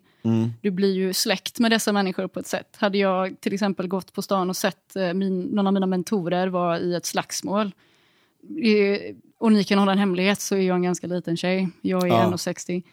Jag, jag fuskar när jag slåss. Ja. Jag hade ju sprungit in ändå, för Ja. att det där är ju din familj. Och även om man kan hata varann, och du, det är många som hatar sina mentorer efter sina lärlingskap, för de är orättvisa och fruktansvärda ibland. Ja. Men en del av dig vill alltid plisa den jävla fittan. För Ja. du vill visa att fuck you, kolla, jag blev bättre än dig. Ja. Och Det var också så jag lärde mig att du ska, du ska hata och älska din mentor, för du ska alltid försöka bli bättre än, du ska aldrig sluta utvecklas. Mm. Så äh, där kommer ju det här brödraskapet som är farligt och bra samtidigt. Ja, Men det, det är svårt att reglera den här branschen. Jag fattar, och när de sitter där liksom så här, ja nu ska vi ha ett styrelsemöte. Vad händer då? Med alla de här, Det roliga med tatueringsbranschen är att det är ganska intensiva människor som samlas. Uh, förr i tiden så blev de ju tatuerare för att man kunde inte ha ett annat jobb. Det var väldigt ofunktionella, arga människor som blev Ja. det. Eh, så att istället för att fokusera på vad vi kan göra bättre för att reglera branschen så eh, sitter vi oftast och bråkar istället om Ja. vem som ska sitta i ledningen. uh, Alltså, all respekt till det, jag tycker det låter helt underbart. utifrån vilka parametrar går man då? Vara, ja, men exempelvis old school-grabbarna står och vrålar att realismgaddarna är töntar för de inte kan dra linjer. Realismgaddarna står och vrålar att old school-grabbarna är dumma i huvudet för att det enda de kan är att dra linjer. En annan tatuerare sitter vid sidan och drar linor istället för linjer. Eh, Det är lite, man hör ju hur bra det går. Sen ska jag inte göra mig för rolig över S1 också. De har jävligt mycket bra poäng. Sen har de vissa poäng som jag inte kommer överens med. Men eh, man kan enas om att det är lite komiskt när så intensiva eh, människor samlas i ett rum och ska komma överens. Det är Ja. ganska välkänt. Jag kommer ihåg Jag när jag skulle vilja vara började... en fluga på väggen där. Ja. Ja. Ja. Men det är lite som, eh, ja, men det, det är som när ni ser en så här golden retriever som står i spegelbilden och säger ah, who's this other dog? och skäller i 20 minuter. det är lite så liksom, så här, who's this other tattooer? Det, det, det går inte att leka snällt alltid alltså. Nej. Men jag skulle säga att den nya generationen eh, är lite bättre på det. Och det är Ja. där det blir lite av en eh, klyfta om man säger så. Ja, precis. Men ja, okej, men så det är ändå lite så, den nya generationen som kommer nu, liksom alla vi eh, liksom millennials och zoomers och hela skiten och allt sånt där. Finns det samma, ska man säga, auktoritetsvurm? Eller eh, är Ja, det, det liksom en- lite så här, Det är en bra fråga. Jag skulle för säga att det finns två läger. Ja. Ja. Eh, vi har ju gamla skolan. Eh, det finns ju, även om ni... det finns en intervju, jag kommer inte ihåg vad den heter, med en snubbe som gick lärlingskap på 70-80-talet som gick in och han berättade att ah, men jag kom in till jobbet varje dag och fick stryk av min mentor. Liksom, så här. Innan vi började gadda fick jag ett fetkokstryk. oh jävlar. Men eh, Ja. så har det varit innan. Det finns folk som utsätter sina lärlingar för alla möjliga sjuka saker. Liksom. Som sagt, man har alltid rätt att säga nej, jag går inte med på det här om man inte är redo och om man inte vill. Ehm, och de som är extrema, då, om man säger åt det hållet. Och så finns det den här nya generationen, eh, och vi som är extrema. Eh, de som vill eh, distansera sig så mycket de bara kan från det. De är, ska man säga, lite mer lattjo lajban, det är okej att gadda hemma, vardagsrummet är okej, de skiter lite i allt. Och oftast så om någon skulle sätta sig och säga Nej, du har inte gått ett lärlingskap, du har inte gått den rätta skolan. Du får inte vara med och leka och gatekeepa då liksom. Så skriker de elitism. Jag sätter mig gärna mitt emellan de här lägena. Centrist. Ja, precis. jag är center där. Jag eh, kan hålla med vissa aspekter och vissa tycker jag är bara helt... Ja, det är bisarrt liksom. Så Ja. jag håller mig väldigt mycket i mitten där. Jag skulle säga att man är... Jag, jag gick mitt lärlingskap på en old school-studio. Självklart reflekteras det lite i vissa av mina åsikter. Eh, och samtidigt så gick mitt lärlingskap på en old school-studio. Självklart har jag också fått uppleva den tuffare delen av branschen. Och jag vet, jag har lärt mig vad jag tycker att gränsen går helt enkelt. Ja. Man har fått se båda sidorna. Jag trivs bra i mitten. Tycker det, där kan man hålla sig. Man ska inte vara extrem mot något håll. Och de här sidorna är ju, ja, de, de kommer inte jättebra överens. Nej, nej, det är nej. ganska... Ja, jag kan tänka mig det. Välkänt. Är det liksom lite så här, man ser så här, ja men dagens ungdom är så bortskämd nästan liksom. Ja, den här eh, fucking millennials och deras jävla Ja. upp och nervända stolar på armarna. Liksom. Det är, Ja, exakt. Sen eh, kanske jag eh, kanske inte brukar tatuera mycket stolar själv, men folk får göra vad de vill. Ja. Men så, ja, jag förstår båda sidor. Det är det jag brukar säga. Det är, jag brukar bara lean back och kolla på. Men det är så kul typ för att det, det känns som ett parallellsamhälle nästan liksom. Ja. Alltså inte minst i Sverige där alla är så jävla, du vet så här, Ja. man går och så kingsar man lite på chefen och så knyter Ja, det- man näven i fickan och du vet, lalala, och Det det man bråkat så jävla mycket, man kanske bråkar genom facket och så här. Och Ja, så, precis. Man har en representant. Ja, Alltså, ja, det men är du så vet, lite så- passivt aggressivt. Precis! det är ju som ett Det är så släkte, långt liksom. bort från det här, Ja. någonstans. Ja, det är extremt intimt. Vi, vi hade ju en bortgång på gamla studion. Eh, Efter nyårsafton förra året så gick eh, deras, eh, gamla, en av deras gamla lärlingar bort. Någon som var, ska man säga, det, det förra jag, om man säger så. Mm. 10-15 år innan mig. Han eh, gick bort av en överdos. Tatuerare är ganska välkända för att vara ganska mörka människor. Ja. De gillar att ha kul, men ibland så har de lite för kul för att kunna fly från sig själva. Jag kommer ihåg ett väldigt ärofyllt ögonblick var när hans familj kom till studion. Eh, och då fick man även se dessa stenhårda, tuffa grabbar. De är varma på insidan, de har känslor. För de, det var som att förlora ett barn för dem. Mm. De, att förlora honom. De kände att de hade svikit honom, för han, han blev lost i branschen. De, han hamnade i det mörka hålet som man blir inbjuden till ganska ofta i den här branschen, men man får vara stark nog till att ta avstånd. Mm. Och då frågade då eh, hans eh, mamma då, kan vi få ta ner pokalerna på väggen så ni har vunnit med min sons kropp? Då de tävlingar de vunnit med tatueringar de gjort på honom då. Ja.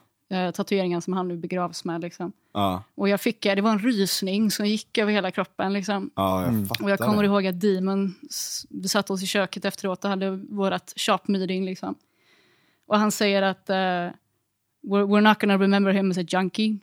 We're gonna remember him as a tattooer. And he's gonna be buried as a tattooer. Ja. Och det, då, då vet man att någonting rätt gör i livet, för det är här vill jag vara. Ja. Det, Det finns en jävla respekt bakom ja. de här ritu- ritualerna som ibland kan verka lite penalistiska och allting. Men det finns en jävla respekt bakom allt det där. Ja, precis. Mm. Ja. Det, det är intimt. Det, Ja. det är nästan lite övernaturligt att Ja. tatuera. Verkligen. Det, det var min mentor som eh, förvarnade mig om det. Han sa att, eh, då när vi var inne på det här med att jag daltade med kunder mycket, att jag kunde liksom, man såg på mitt ansikte att jag reagerade om de grät. Jag tyckte det var jobbigt liksom, innan man det handlar inte om att man blir känslokall.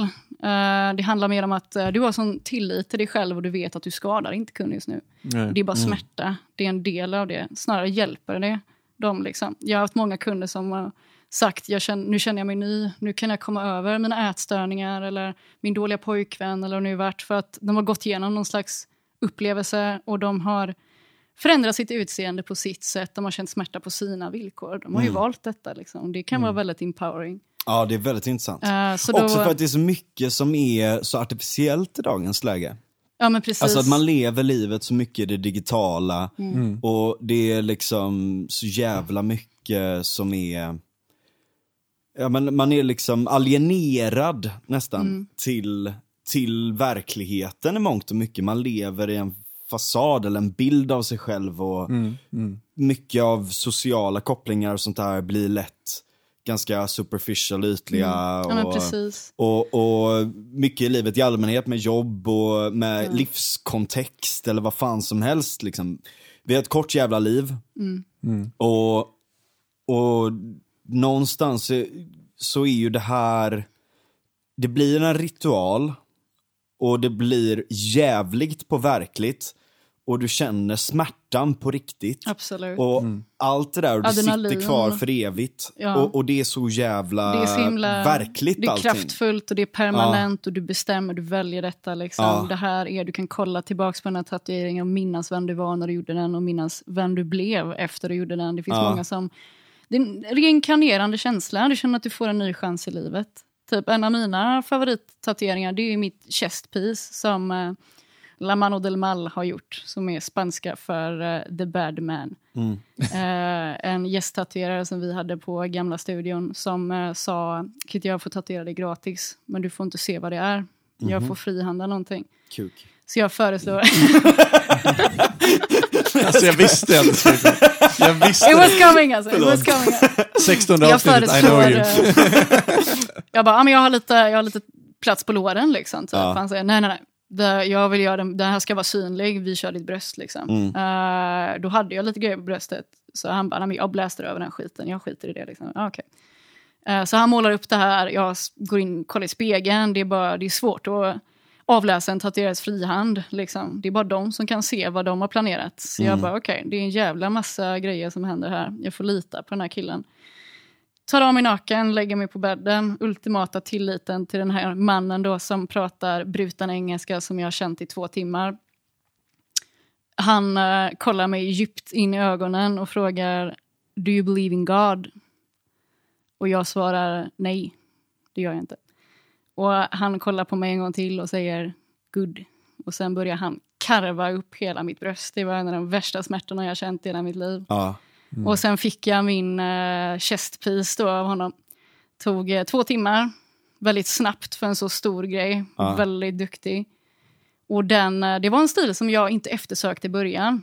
Men eh, den blev jävligt betydelsefull för mig. För det var ett kraftfullt ögonblick. Jag minns Ja. att de eh, konversationerna han och jag hade sen på kvällen då när vi satt där och drack någon whisky och pratade. Det var jävligt djupa grejer. Och han pratade om uh, hur tatueringar påverkat hans liv. Uh, jag kommer ihåg hans brutna engelska när han satt och sa You are tattoo now. This is your life. det var, kommer ihåg min dåvarande, min dåvarande partner satt och sa Vad fan, han är en latinsk sexgud Frida. Till och med jag vill ligga med honom. Herregud, jag bara, nej men det, det, det är okej liksom. Det här är bara en fellow tatuerare liksom. Ja. Och han educatar nu och tar mig under hans vinge och det är jävligt fett alltså. Ja, Han hade väldigt fett. mycket häftiga teorier liksom. Vad Så var det det för något? Eh, min eh, dark lettering uh, chestpiece, den här. Ja, den ja, just det. Den är väldigt uh, Ja, den är sjukt fet alltså. spretig. Jävlar. Alltså. Ja. Om ni Ja, går in på Fridas. Instagram så kommer ni nog kunna se den också. Jajamän, det är Ja. lots of news for the kids man. Jag har ju som sagt inga tatueringar överhuvudtaget. Och eh, jag har bara svårt att tänka mig vad jag skulle tatuera in som, skulle, som jag skulle kunna leva med permanent resten av mitt liv. Liksom. Eh, har, har du något tips till mig? Du, du känner inte mig så väl kanske, men... Jag skulle nog säga, eh, som, som tatuerare, det är väldigt opedagogiskt, men nu säger jag som från person till person vad jag själv då känner, ja, baserat på vad jag kände i början. Släpp den nervositeten. Efter du gjort första, det är som ett prov. Du kommer vara lite nervös när du bokat den här tiden. Sen när du får den överstökad, är du en väldigt neurotisk person kommer du stirra på den och känna shit, är jag nöjd? Jag vet inte. Borde jag gjort så här istället? Och sen inser du att ja, jag har ju plats för typ 800 till tatueringar. är. Man måste inte klämma in alla detaljer i en. Eller det nej. kan man, men det kommer inte se bra ut. Mm. Uh, släpp den, få det gjort och haka på tåget för det är en jävla rolig ride alltså. Det är riktigt kul. Jag överanalyserade väldigt mycket i början av vad jag ville gjort. Sen insåg jag att jag kommer inte vara samma människa om tio år ändå.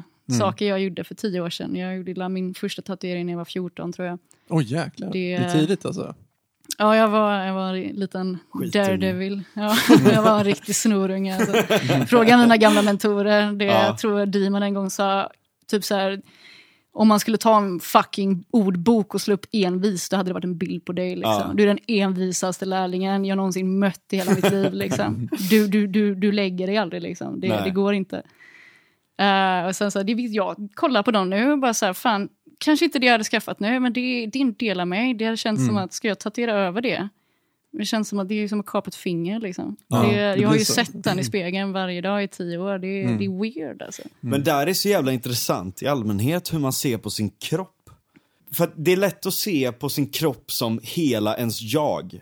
Alltså antingen så har du nästan den här kristna synen på kroppen som en totalitet Där av kan jag du. faktiskt inflika en ganska rolig. Ja, Jag hade en uh, kristen kund. Ja, jag just sa, det. det är ju väldigt spännande det här med kristnas syn på tatueringar. Vad, vad vet du om det?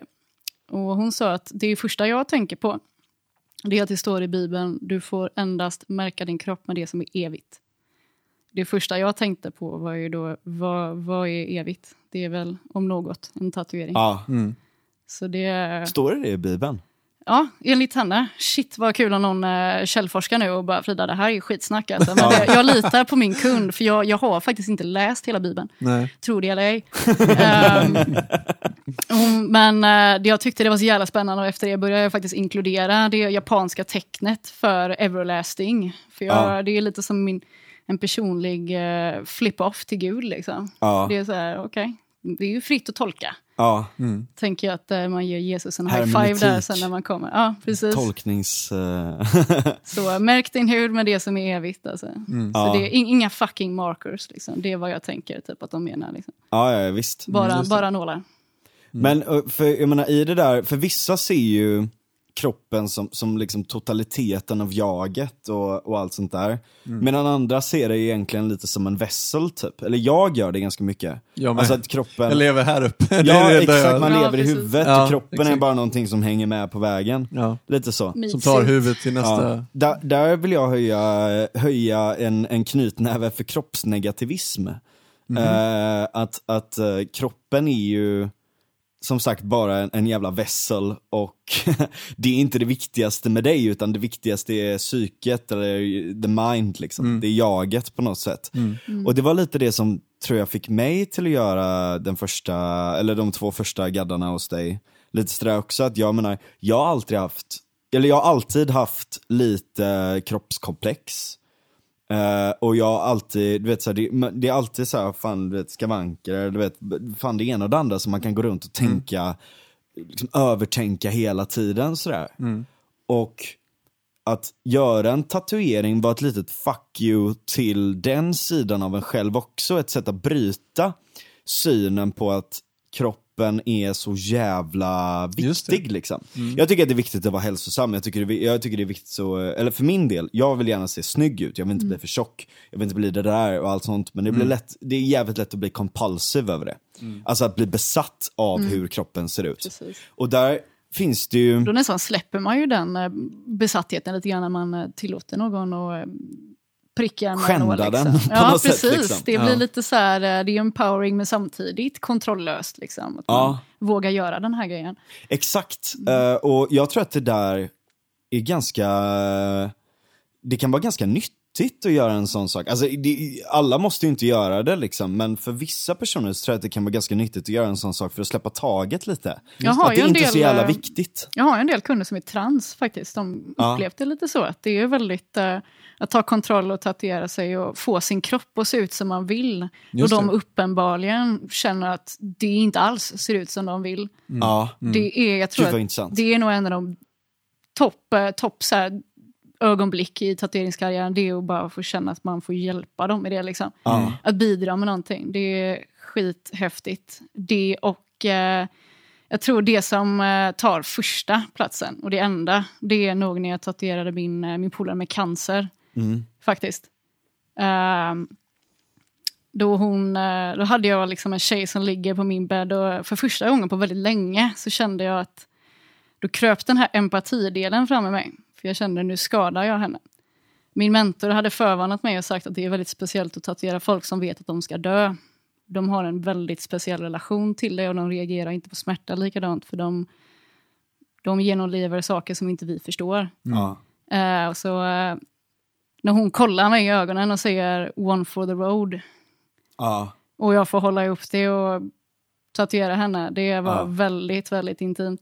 Mm. Jag tror att det häftigaste någonsin och en, mest empowering för henne, det var nog när vi, eh, vi körde en jävla lång heldag.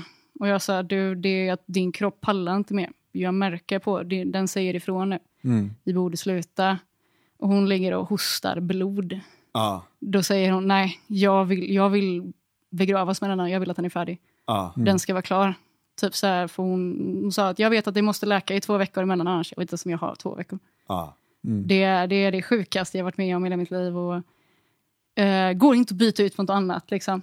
Nej. Att få, det, det är den största gåvan. Liksom. Det känns nästan till och med svinigt att ta betalt för det. För det är, det är heligt för oss. Liksom. Mm. Det är jävligt, jävligt spännande.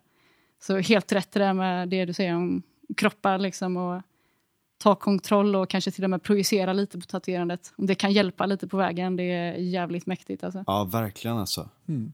Jävlar. Ja, det är, det är deep alltså. Alltså på ett naturligt sätt så är man ju så besatt av, av kroppen eller av jaget eller av allt det här runt om en. Och, och, och i det så, så blir det ju en, en, på sätt och vis en coping-mekanism men på ett sätt att också ta kontroll över sitt liv. I ett sånt, eh, inte minst i ett sånt läge men i vilket läge som helst också. Ja, precis. Vi ska ju alla dö liksom. Ja. Så på ett sätt så är vi Men alla... också, också det här att man föds ju med en viss kropp och den kan få cancer eller den kan få det ena och det andra. Du kan få förlora ben, du kan förlora känseln, du kan förlora, liksom, du kan bli förlamad eller vad fan som helst. Och att ta kontroll över det är ju en, en jävla maktkänsla över livet på något sätt också. Kan jag tänka mig för många. Ja, jajamän alltså. Det kan jag tro. Det kan jag tro. Fan vad deep det blev nu alltså. det är bra. Men det är deep. Men det Ja, är- så jävla, det är det, verkligen blir, ju- det är ju så Ja. jävla intimt. Det är ju kanske... Jag fick ju lära mig Ja. det när jag började som lärling och sa att det här, det här är din kyrka, det här är ditt hem. Ja. Det finns inget ställe som jag trivs på mer än en tatueringsstudio. Och det, det, jag kan inte riktigt förklara varför. Det, det, det känns hemma. Ja. Det är där man är hemma som tatuerare. Mm. Det är skönt att veta att om man reser till ett land och vill se att det skulle hända mig någonting och känner mig otrygg. Då kan jag gå in på en tatueringsstudio. Det är min kyrka. Då kan jag gå in där och säga hej, jag är tatuerare. Kan jag få chilla här med er liksom? Ja. Eller jag representerar den här studion. Typ, känner ni min studio? Ja. Är vi vänner på något sätt? Liksom? Kan jag... Ja, eller, eller typ att jag behöver pengar. Får jag jobba lite och se. Liksom. Det, det är en fantastisk... eh, Frihetskänsla Ja, och trygghetskänsla precis. Samtidigt. frihet, ja. trygghet och samhörighet. Liksom, Ja. Att man känner att du är tatuerare, jag är tatuerare. Vi, vi förstår varandra på något konstigt jävla sätt. Liksom. Ja. Det är någonting som du också, du har ju varit och gästat på lite olika ställen och du vill ju börja, ni ska jobba lite där på CMT också med och, Ja, precis. precis. Det ska bli kul. Och, eh, Det är väldigt, väldigt kul. När läget hennes förändras. studio, hennes studio ligger ju, alltså korsningen då, Nordenskiöldsgatan och, alltså det är inte Dina gamla hoods. Ja, exakt. Nordenskiöldsgatan och kan man säga Nordhemsgatan som blir Alfhemsgatan sen då. ja. Det. Eh, alltså Nordhemsgatan, eh, eller Nordhemsbacken går rakt upp i himlen, eller Nordhemsgatan Ja, går rakt upp i det, himlen. just Som det. Håkan säger då, den branta backen där, där Mm. växte jag ju upp. det var en jävligt problematisk Ja, det var det. handrörelse. Det är tur att det är en podd. Det är exakt, folk inte vi har ingen video än. Nej, nej precis. Alla Eh, tatuerare är är inte sådana Frans. Det är, alla tatuerare är ju inte åt det hållet. Nej, precis. Alla, ja. Ja, framförallt inte er studio. Nej, Ni är ganska precis. progressiva. Men vadå, den ligger uppe på höjden där alltså? Nej, den ligger nedanför liksom i den På kors- Alfhem- i, i eh, korsningen där. Precis. Och det är som sagt, det är ju samma då lilla eh, huskvadrat eh, kvadrat kan man säga som jag växte upp på. Mm. Eh, bara detalj, för att det, det känns nästan synkronicitet, ödet, att du har hamnat här Ja. nu. Liksom. ja, just det. Du har nämnt det. Ja. Men, eh, men du vill ju ta dit massa folk och så eh, Ja, det också. ju, när, när eh, situationen i världen förändras så vill jag ju jättegärna ta till Göteborg och Sverige. Så vill jag ju ta Ja. hit starka namn som jag tycker är fantastiska tatuerare. eh, som För det är, jag pratar ett, med. Liksom. det är ju som ett universellt språk på sätt och vis också. Ja, precis. Det jag såg ju senast, i, senast eh, förra veckan så såg jag en kille som la upp, eh, en superduktig tatuerare som la upp och frågade vilka länder är det inte lockdown, vart kan jag få tatuera då? För det är Ja. många som inte käkar hummer just nu i branschen som inte bor i Sverige om man säger så, för de stänger Ja. ju ner tatueringsstudios. Ja. Det var någon som kommenterade Sverige, bara han lägger upp, jag känner ingen fucking studio i Sverige, typ, hjälp mig. Det första jag gjorde var ju att skriva till henne och säga hej, kom, kom till mig, kom och jobba på min studio. Kom till mamma. Men det har, inte, det har inte påverkat er så mycket kanske i, med corona? Det, Eller? I Sverige så sker det ju lite av en, det beror ju på vad du har för klientell också. Mm. Eh, men eh, det sker ju lite av en explosiv uh, grej nu i Sverige att folk kan ju inte resa och sånt men de vill ju gärna ha det rus. Så det är många som Mhm. tatuerar sig och vad jag upplever så är det många som gör sin första tatuering just nu.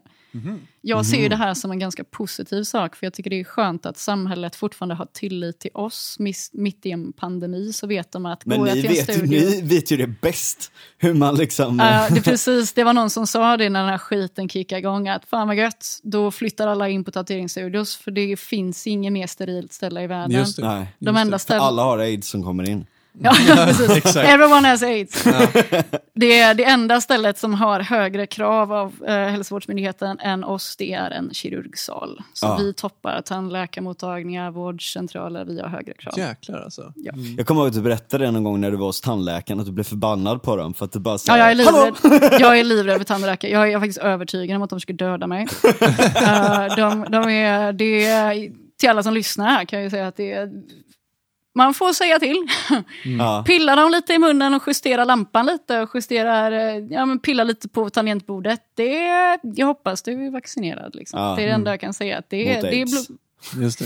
Eh, aids är faktiskt en väldigt värdelös virus. Det är ganska dåligt på att smitta. Många det. aids-bakterier dör efter cirka Ja. 30 sekunder i luften. Ja. Hepatit dock, väldigt effektivt. Ja. Väldigt, väldigt bra virus. Corona också, väldigt effektivt. Och det är ju även Dålig viktigt på då, döda för, dock. på, på tal om lines för folk som eh, drar, drar linor så att säga. Där är ju hepatit superstor fara. ja, ja, för det, det kan ju smitta via en, eh, En sedel. se- sedel liksom. precis. Ja. Ja.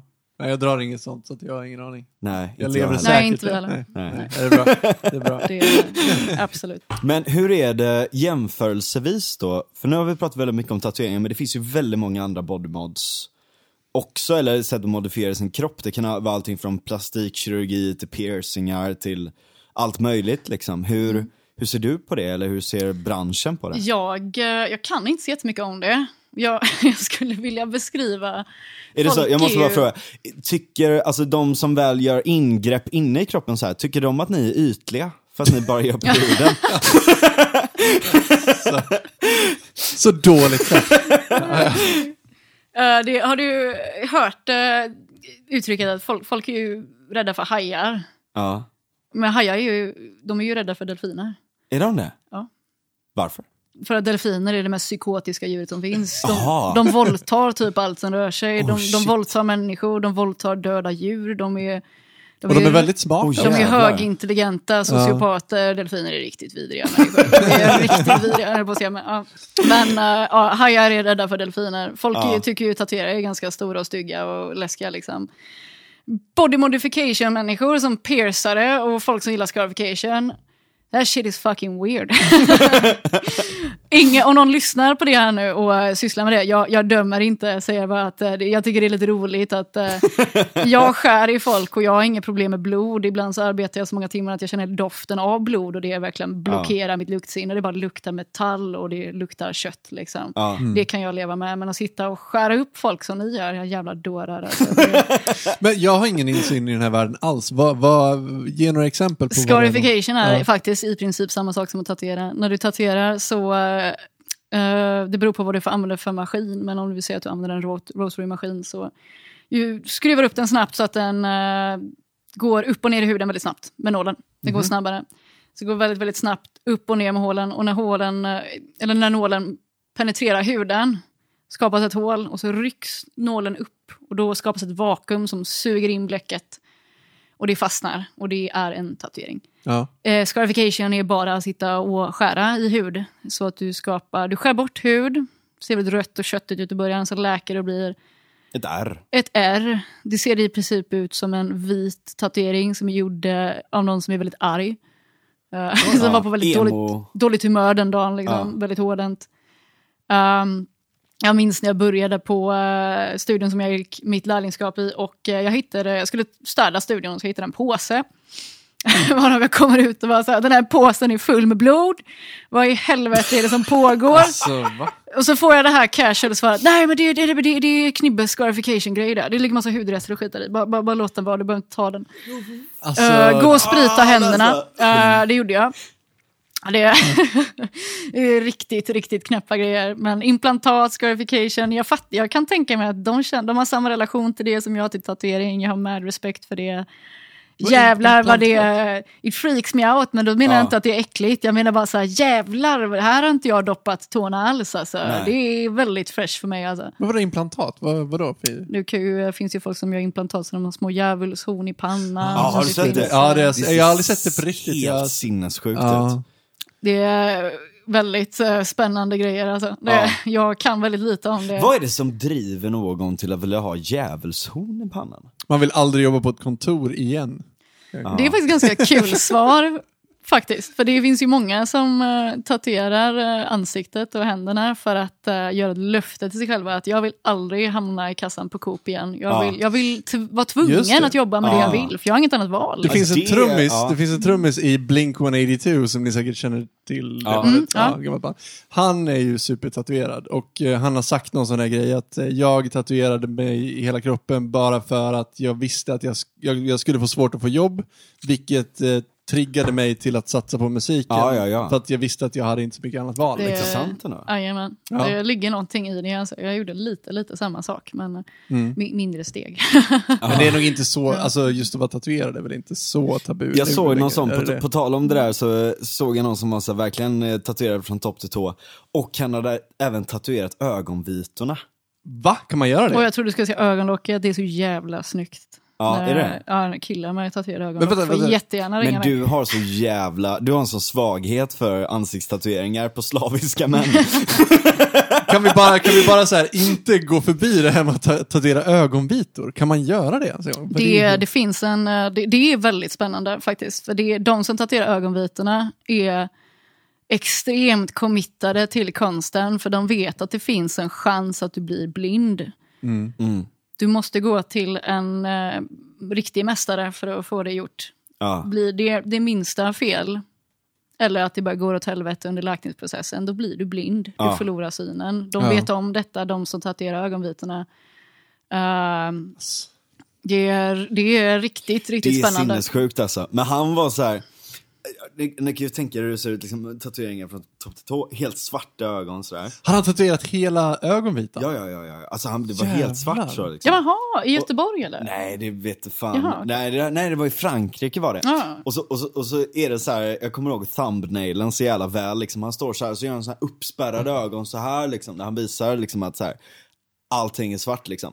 Och det, har ni sett Pans labyrint någon gång? Ja, ja, ja. Ni vet han som står där med händerna Ja, så liksom. Så, jävla bra film. alltså Ja. ögonen i händerna liksom. Guillermo Så del Toro är en jävla gud. Ja, sån Fy jävla bra fan film. vad duktig han är. Eh, så han, han liksom står så här och så gör han så liksom den Pans labyrint att han tar det på sidorna då med ögonen.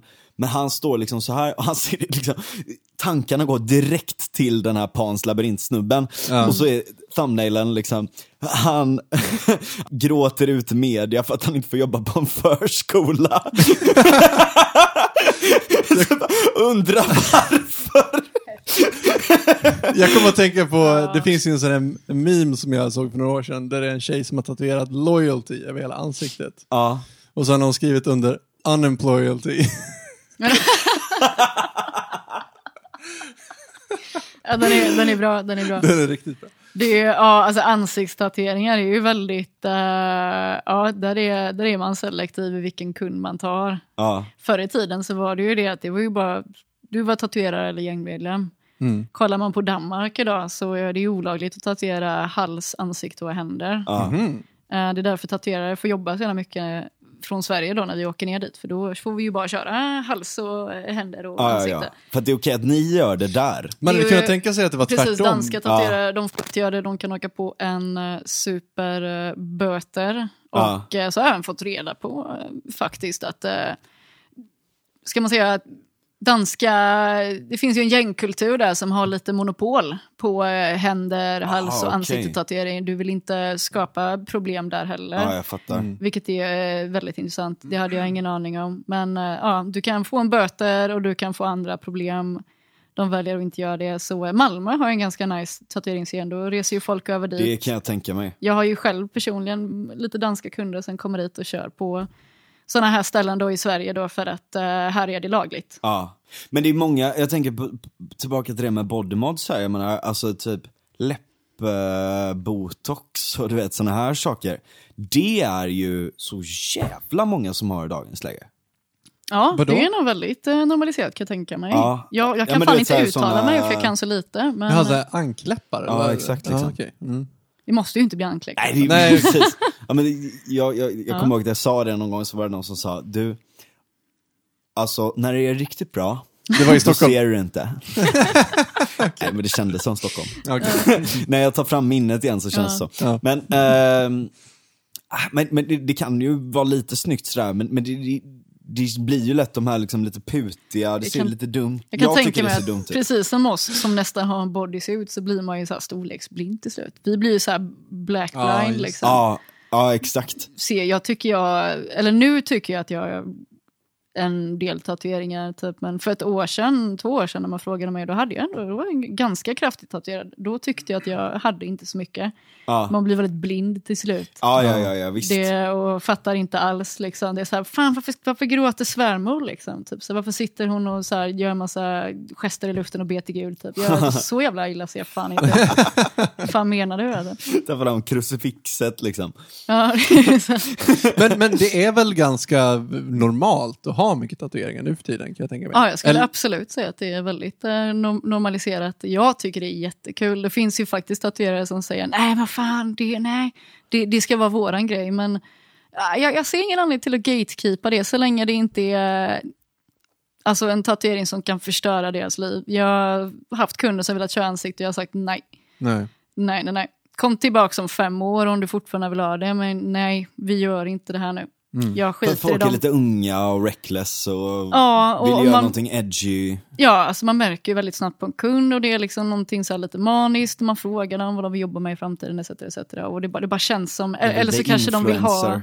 Ja, eller så kanske de vill ha någonting som, för många, många chefer kan ju förbise en tatuering som är väldigt synlig om den är smakfull. Ja. Men om de kanske har fuck the world i pannan Ja. så känns det så här, nej men du, det, vi, vi bangar den alltså. Ja. Vi skiter i det här alltså. För det, jag, jag vill inte paja ditt liv. Det är inte värt de pengarna för mig. Liksom. Jag vill ha det på mitt samvete. Det är lite social responsibility. Ja, det blir det. Ja. Ja, ja, men det är ju det, precis som att eh, typ, jag, jag tatuerar ju ingen under 18. Jag Nej. skiter om mamma och pappa är med och säger att det är OK. Det, det är för din skull. Alla Ja. tatueringar som jag har gjort under 18 är, de, de, ja, men de ser okej, nej inte alla, men vissa ser okej ut. Mm. Eh, men eh, det, fin- det är en anledning till varför man väntar, för hjärnan Ja, utvecklas. exakt. Och jag hade ju aldrig velat eh, take advantage av ett formbart psyke. Liksom. Nej. För att jag ska tjäna några stålar på det, det, det går emot eh, allt jag tycker är sacred med tatuering. Liksom. Ja, Du får komma på din 18-årsdag, jag har haft tjejer som gjort det, bokat en tid på dagen. Då, fan, då ska vi festa. Nej, det ska vi inte. Men vi ska, vi ska fira. då firar Mm. Kom vi och tatuerar dig. Ja. då firar vi och tatuerar och då blir det jävligt kul. Tänk vad du efterlängtat det. Ja, liksom. Då kommer ju den till slut och då vet du definitivt vad du vill ha för du har tänkt på det så länge. Ja. Grejen var så här, min lillebror har ju jättemycket tatueringar och han gjorde också den grejen han var 18 tror jag det var. Han fyller i november liksom. Han fyller faktiskt 30 nu om Ja. eh, en vecka. Vad sa du, din lillebror? Min lillebror fyller 30. Gamle. Jag är en gammal man. eh, men i alla fall, när han fyllde 18, det första han gjorde var att tatuera sig. Han har alltid velat tatuera sig hela livet. Morsan har varit emot det så in i helvete. Han fyller, Mamma år var i, inte glad på mina heller. Nej, han fyller år i november. Så det första han gjorde Hon var... tyckte de var jättefina Frida. Ja, men, bra. men hon ska, ska du till inga om jag, fler får, va? om, jag får, om jag får inflika mitt i när du pratar Ja. nu Daniel, så jag hade faktiskt en kund som berättade att eh, morsan hade sagt ja, men hon är väldigt duktig men, men det har jag inte sagt. Det får du inte berätta för då blir det mer. Liksom. Just det. Men det, är- det är fint men eh, fy fan. Förlåt han, Daniel. ja, men, han tatuerade sig på vaden i alla fall. Eh, det första han gjorde. Eh, och det var ju okej, för det var ju i november liksom. Så att han kunde ju dölja det för morsan liksom, under hela vinterhalvåret. Sen kom våren. Och sen skulle han hänga på stranden sen när sommaren kom. Och hängde liksom på stranden i bara överkropp och liksom så här svarta tajta byxor hela vägen ner. Morsan bara så här, du kanske ska ta av dig byxorna va? Du kanske ska ha på dig badbrallor. Han bara, nej, nej, nej. för fan." Så det var, Så det var, till slut så kom det fram och det blev, ja, det blev ett jävla liv. det var samma Ja. sak för mig faktiskt. Det var det morsan som kom när jag satt och solade. och Bara så här, du eh, den här henna-tatueringen Frida. Den har hållit i ett år nu. Ja, precis. Så det var henna? Eh, ja, den, den är jävligt bra morsan. Den, den sitter ju liksom. He did a good job. Varför ska jag klaga? Kommer ihåg att hon, hon suckar bara, fan.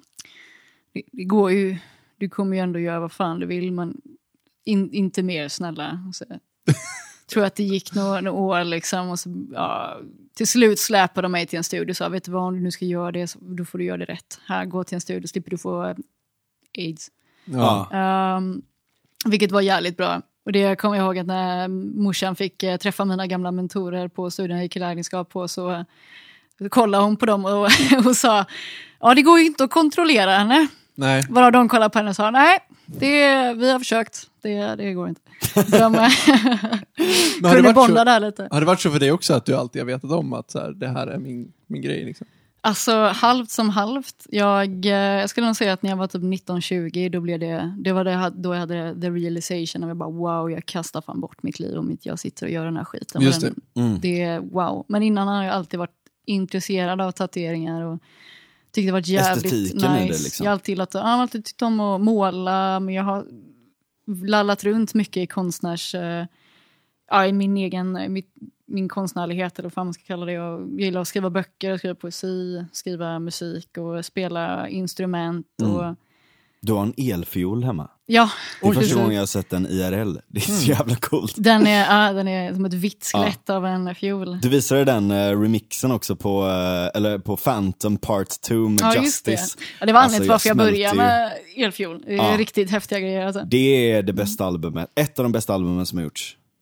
Jag beundrar det så jävla mycket med dig Frida, att du ger dig in i estetiken så helhjärtat, att du lever i den. För att, alltså, att, att hitta mening i det här korta livet och att verkligen göra någonting av det och, och liksom gå in i det och leva det på riktigt liksom. Det är få förunnat. Och det är få som vågar ta den chansen också. Ja, absolut. Det, jag skulle nog säga samma sak som, som alla tatuerare säger dock. Alltså det, det, det, det bästa som har hänt dig, men det, det är en curse samtidigt. Är det. Absolut. Tatuerandet kommer ta saker ifrån dig. Det kommer den absolut göra. Det kommer ta mycket saker ifrån dig. Men den kommer ge dig väldigt mycket med. Man får bara handskas med det och lära sig att leva med det och inte, inte bli för mycket rockstar som det kallas. Det är ju ett uttryck i tatueringsbranschen att eh, man kan bli en eh, tatuerare och så kan du bli en rockstar. Jag minns när jag startade min karriär då var det många äldre män då i branschen som eh, när de stötte på mig så sa de bli inte en rockstar Frida. Mm. Alla syftar ju på samma sak. Rockstar-tatuerare, det är, det är de som... eh, deras karriär pikar svinsnabbt, det går jättebra för dem. Och sen så dör de. Mm. Tyvärr. Det, För mycket ladd. Ja, precis. Tyvärr, de, de hamnar i träsket. Och, eh, Jag tror fan, jag satt och kollade på House häromdagen och så såg jag ett avsnitt när han eh, Karla, det är så jävla bra. För det känns som att man har sett det hända många gånger. Dålig barndom. Skitmånga tatuerare som har det. Jag tror jag aldrig träffat någon som har en bra barndom.